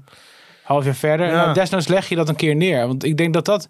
Kijk, wat heel moeilijk is geworden tegenwoordig... is dat heel veel clubs die zijn bang dat ze te weinig vragen voor hun spelers. En dat die, die druk die... Nee, daar zijn jullie mee- mede debet aan. Als, eh, als er te weinig wordt, eh, wordt betaald voor een speler van Groningen... dan... eh nou ja, hooi, hooivorken en eh, fakkels eh, de straat op. dus dat is bij andere clubs ook zo. En dat, is, dat maakt het ook weer heel erg moeilijk om eh, zekere weet je, succesjes vast te stellen. Maar ik vind Hoedemakers in dat opzicht wel een interessante speler... waarvan ik denk, nou, die heeft in ieder geval het voetballende vermogen... en is verdedigend nog, nog betrouwbaar genoeg om op, op zo'n positie iets toe te voegen. En dan heb je in ieder geval wat extra concurrentie. Want wat nu ook heel moeilijk is op dat soort posities... Ja, wie, wie, gaat, wie gaat Duarte eruit Zou die spelen? Groningen als een stap eh, zien? Ja, dat denk ik wel. Terwijl, als Utrecht deze zomer nog geïnteresseerd was. Ik denk niet dat Utrecht nog een middenvelder gaat halen. Maar Oh, Hoewel, dan, dan, Jordi- kun je- dan, kun Jordi jij Utrecht, dan kun eh, jij Utrecht nog niet, eh Thijs. Nee, dat, dat, eh, dat, ehm, dat weet ik niet. Maar kijk, uiteindelijk, eh, en dat, dat is ook wel gewoon een, een veel bredere eh, gesprek. Je had het net over het geld wat iemand vraagt eh, als hij naar Groningen gaat. Het gaat er ook om hoe heeft hij het gevoel dat hij er weer wegkomt? Want dat is natuurlijk Ja. wel iets waar je als technisch directeur invloed op hebt. Eh, hoe, ga, hoe gaan jouw spelers ik bij je zat weg? misschien ook wel meer gewoon aan huur te denken. Ja, ik had voor mezelf een lijstje gemaakt. Daar Ik stond denk dat op. hoedemakers wel Blind. realistischer is dan Daily Ah, Blind. Groningen gaat Daley Blind halen. Nee, nee, ik had voor mezelf een lijstje. Maar, maar ik had bijvoorbeeld Van Ginkel daar ook op gezet. Want die is gewoon... Ja, maar als je die een half jaar kan huren. Ja. Zoiets, hè. Ik zeg niet, want dat is natuurlijk totaal onrealistisch. Maar zoiets. Verzin iets. Ja, zijn er nog niet meer spelers in de categorie Zeefuik die niet bij Groningen Maar hebben gespeeld? Zeefuik gaat denk ik zolang Flederis hier zit. Dat zijn, is een factor die mensen vaak vergeten. Maar die is hier echt met ruzie weggegaan met Flederis. Ik denk niet dat hij, als Mark-Jan nu belt van... Hey Deo, het gaat heel slecht. Zou je misschien terug willen komen om mij te helpen? eh, contact hadden gehad hè, in de, Ja. de zaakwaarnemer. Ja, maar dat contact kan ook geweest zijn van eh, zoek het uit Mark-Jan. Ja, dat gaat hij natuurlijk niet zeggen. Ik zou het wel leuk vinden als je gebeurd Deofazio en Liquincio dan haalt gewoon voor eh, in de Ja. winter. Ja, ik ben zo... Ja, Deo terug, dan, dan sta ik met de tranen in mijn ogen eh, het, eh, de aankondiging te kijken. Maar ik ben er bang Misschien voor kan je dat... Charon Sherry nog zo ver Als krijgen. eh, Deo eh, terugkomt en ze presenteren hem op de grote markt, ga je heen? Ja. Ik, ik woon ook op twee minuten loop van de grote markt. Dat is misschien ook wel een factor. Ehm, we, gaan ons, we kunnen ons heel makkelijk verliezen om hier nog eh, heel lang over verder te praten. En dat is ook prima, maar we zijn alweer één uur en een kwartier oh bezig. jeetje. Ja, één uur en een kwartier alweer. Ja, maar Ja. er valt genoeg over FC Groningen te praten Ja. tegenwoordig. Eh, we gaan Altijd altijd trouwens. vooruit kijken. En daar houden we nooit zo van bij Conforminder de podcast. Maar we gaan het wel even doen.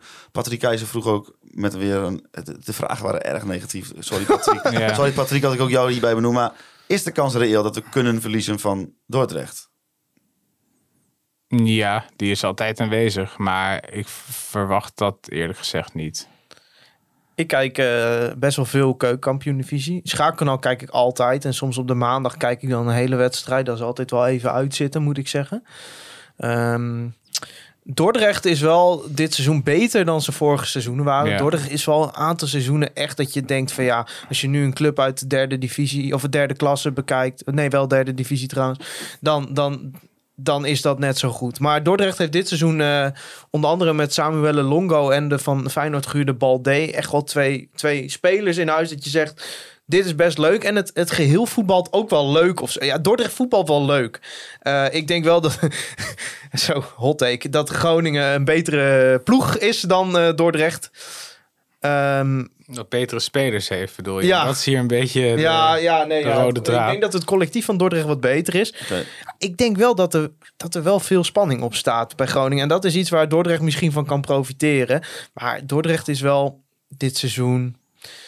Wel heel vaak dat ze wel leuk voetballen, maar met lege handen staan aan het Wat, wat wel een geluk is in dit soort wedstrijden, is dat je gewoon een spits hebt die zo koelbloedig blijft. Ja, En dat maakt echt het verschil. Want dat zie je als je, als je naar een oefenwedstrijdje gaat, gaat eh, tussen, tussen een team dat heel hard zijn best doet en een echt goed team. Ja. Dan zijn het vaak dat soort spelers die. eh, Ja, maar dat was vorig jaar ook uit bij. Excelsior toen met Strand Larsen eh, zo. Ja. Dat Groningen ook heel erg slecht was. En toen in de verlenging kreeg Strand Larsen twee keer de bal voor zijn voeten. Twee doelpunten. Jij, wij gaan heen.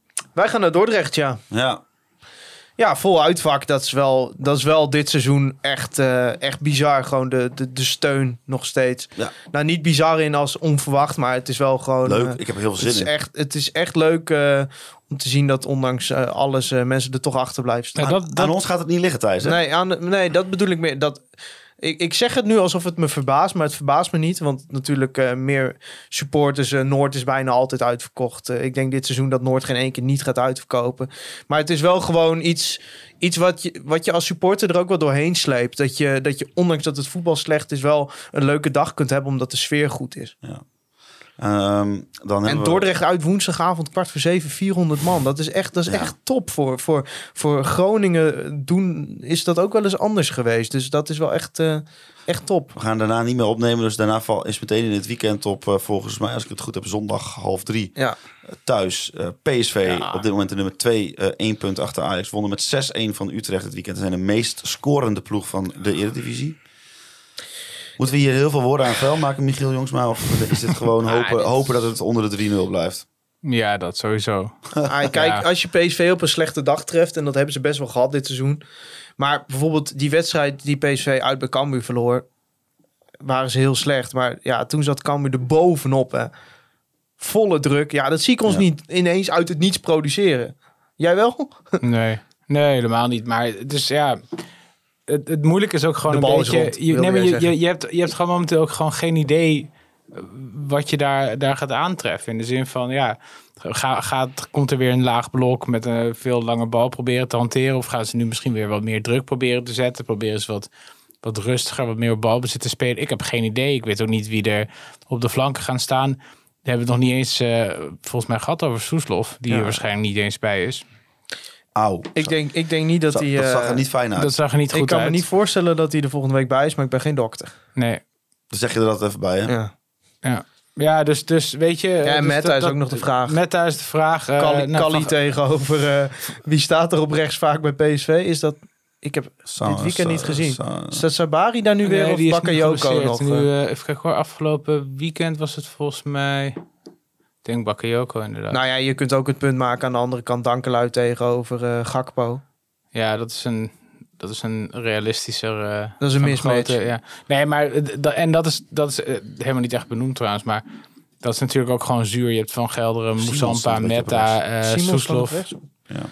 die, die er allemaal gewoon normaal gesproken niet bij zijn. Dus dat, dat helpt dan ook niet mee. Nou, en Verrips er nog steeds niet Verrips bij als je de verhalen moet geloven. Ja, dus eh, Hoewel Leeuwenburg het echt niet gek deed. Nee, maar goed, we, zijn nu alles door elkaar aan het... Ehm, omdat we natuurlijk eh, negatieve, in een negatieve spiraal zitten, moeten we natuurlijk positief een beetje afsluiten, Thijs. En daarom gaan we naar het online Retail Company moment van de week. Het Online Retail Company moment van de week.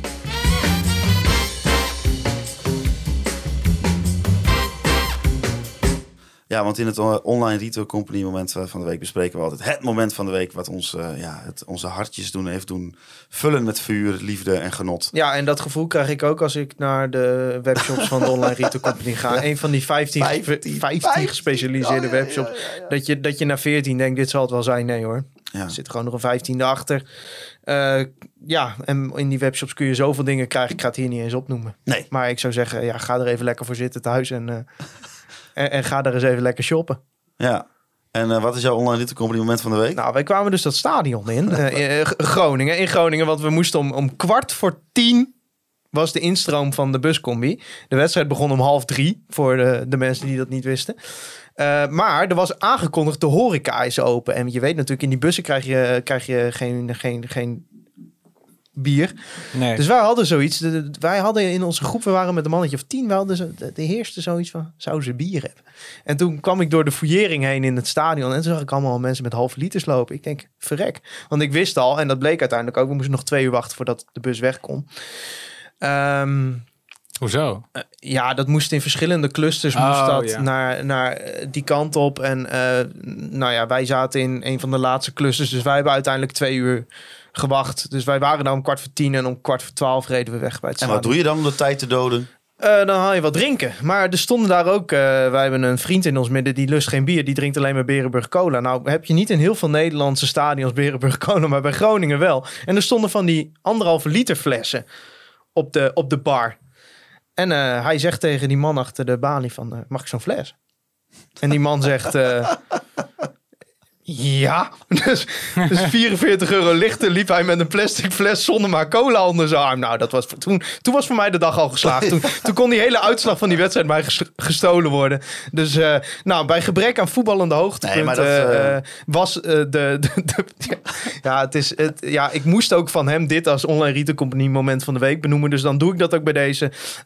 De verkoop van anderhalve liter flessen Berenburg Cola. Ja, maar ik denk dat jij onderschat hoe, hoe inspirerend het is voor mensen. Ja, en weet je, kijk, FC Groningen is heel leuk, maar je moet er wel wat bij drinken. Af en toe. Nou, dan als laatste gaan we even nog eh, voorspellen. Want eh, ja, Nou, ik hè? had eigenlijk wel verwacht dat die bussen, eh, dat er nog een Piet Horner van de week zou eh, inspireren. wat dan?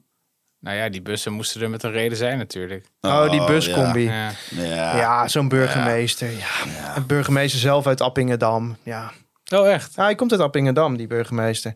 Goed, eh, ja, je, eh, laten we over, over buscombi's zeggen dat, eh, dat ik eh, mijzelf niet nog een keer in een touringcar ga zetten. Want het was 35 graden in dat ding. En eh, ja, ik kwam thuis, joh. Ik had op plekken gezweet waar ik niet wist dat ik kon zweten. Dus, eh, maar eh, de Pidonner van de week, de- ja, een, een warme touringcar is daar nog niet genoeg voor. Maar Nee, dit was de, het is wel een aanmoedigingsprijs, zou die krijgen. Oh, oké. Maar eh, we gaan wel voorspellen. Ja, moet ik weer. Want, eh, en dat is niet zo heel... Dat is, eh, normaal gesproken is dat moeilijk. Maar, Ja. Hè? Ja, Ja, ik zucht nu, maar ik zucht helemaal niet meer als ik met de boekhouding bezig ben. Oh, oh, oh. Even het commerciële blokje. Ja, het Even is het echt de commerciële ene blokje. reclame volgt de andere op Ja. in deze commerciële show. Against Modern komt voor minder. Ja. Ja, Maar Toupé, dat is wel Nee, een mooi Toupé, bedrijf, dat, is een, eh, dat is een ongelooflijk mooi Ja, dus als je bedrijf. ZZP'er eh, bent, ja, ja, ja eh, ik, ga, ik ga thuis meteen de boekhouding weer doen. Zoveel makkelijker. Maar je denkt dan, daar ben je dan de hele En, avond mee bezig. denk- maar het is gewoon een factuurtje invoeren en klaar. Niks Groningen meer. gaat winnen van Dordrecht naar, verle- of verle- naar verlenging. Oh, alsjeblieft niet. 2-1. Oh, dan moet ik daarna nog... eh, En Groningen gaat thuis winnen van PSV met 1-0. I said it. Michiel, jij houdt niet van voorspellen, dat weet ik nog. Nee, dat klopt. Eh, Het is elke keer hetzelfde als je bij ons Ja. houdt niet van Oké, voorspellen. oké. Eh, beker doen we 1-4. Hoppa! Hoppa! Drie keer Peppi. Eh, en eh Groningen PSV ook. Alleen aan de verkeerde kant op dus. ja, Twee keer 1-4. ja. Oké, Thijs. Eh, Dordrecht. Ja, 0-2. Hele lelijke wedstrijd. Twee penalties voor Groningen. Omdat, eh, omdat eh, Abraham twee penalties versiert. En die worden erin geschoten door onze Amerikaanse spits natuurlijk. PSV. 0-8. Oh, nee. Ja, ik heb de afgelopen weekend naar zitten kijken. Ik heb die Cody Gakpo in vorm gezien. Ik, ik haatte dat ik dit moet voorspellen. Ik ben er echt heel bang voor. Ik vind namelijk, kijk, PSV heeft hele slechte wedstrijden gespeeld. Maar als die eenmaal voor rust 2-3-0 erin hebben liggen. Ja, ik maak er nu een scenario voorspelling Ja, van. nee, tuurlijk. Als die voor rust 2-3-0 maken, dan zakt Groningen helemaal door het ijs. We zijn al bijna anderhalf uur bezig. Cody Gakpo scoort door. zes keer. Eh, maar als we tot de rust 0-0 weten te houden, wordt 1 of FC Groningen. Zo.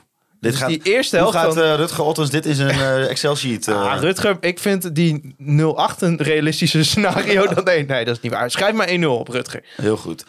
Eh, jullie kunnen Conforminder de podcast volgen natuurlijk via eh, Twitter en eh, via Facebook.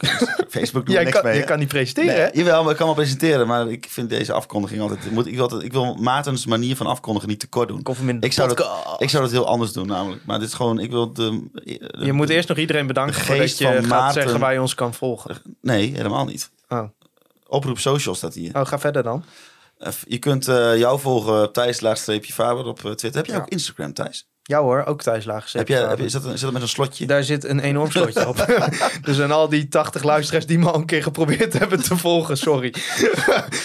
oh, dit is geen oproep om allemaal mijn volgverzoeken Doe te jij, gaan ja, doe allemaal Thijs met een volgverzoek. Heb jij ook Instagram eigenlijk, eh, jongens? Hetzelfde verhaal als Thijs. Oh, ik, eh, ik heb ja, er lekker... eh, ja, ik doe er ook niks mee hoor. Dus, ik ga gewoon mensen een beetje bedanken. kijken toch wel. Wij, gaan, Nou, nee. wij willen van- uit de grond van ons hart bedanken Andy Zuiderman voor de fantastische foto's die wij week in, week uit mogen gebruiken. De Online Retail Co- Company en Toupé, omdat ze onze fantastische sponsors willen zijn.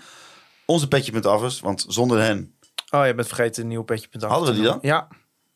Dan, Nou, dan gaan we die de volgende aflevering twee keer benoemen. vol, ja, precies. Aan het begin en aan het eind. Ja, de petje met affers die zijn natuurlijk geweldig. Want zonder hen hadden we bijvoorbeeld niet in Barsinghausen gestaan aan het begin Nee, van het seizoen. nee, en oh, wat hebben wij daar al vingers op de zere plek gelegd. Ja. Ehm, en eh Frey Westerhof en Mark Pepping. Want eh, ja, jij, hoe noemde jij het nou? Een soort treurlied of zo? Het, eh, onze intro muziek? Ja, het wordt een soort treurmars. is. Treurmars, ja. Ja. Dus, gewoon, ja. We, we, we gaan naar voetbal, naar de FC. En dat je denkt, oh nee. dit, eh, dit, eh, dit, dit zei je trouwens terwijl de intro liep en je microfoon nog uitstond. Maar ik hoorde het al wel. Dus Oh echt? ja, het is nog niet, op, het is niet opgenomen. Oké. Ah, wat een gelul allemaal, zeg. Nee, Dus, maar eh Frey Westerhof en Mark Pepping bedankt Ja. voor de treurmars. En En, als natuurlijk- laatste wil ik jullie, de luisteraars, bedanken voor het luisteren naar alweer een hele lange aflevering van Kon Veel Minder, de podcast. Juichen wij als FC Groningen weer scoort.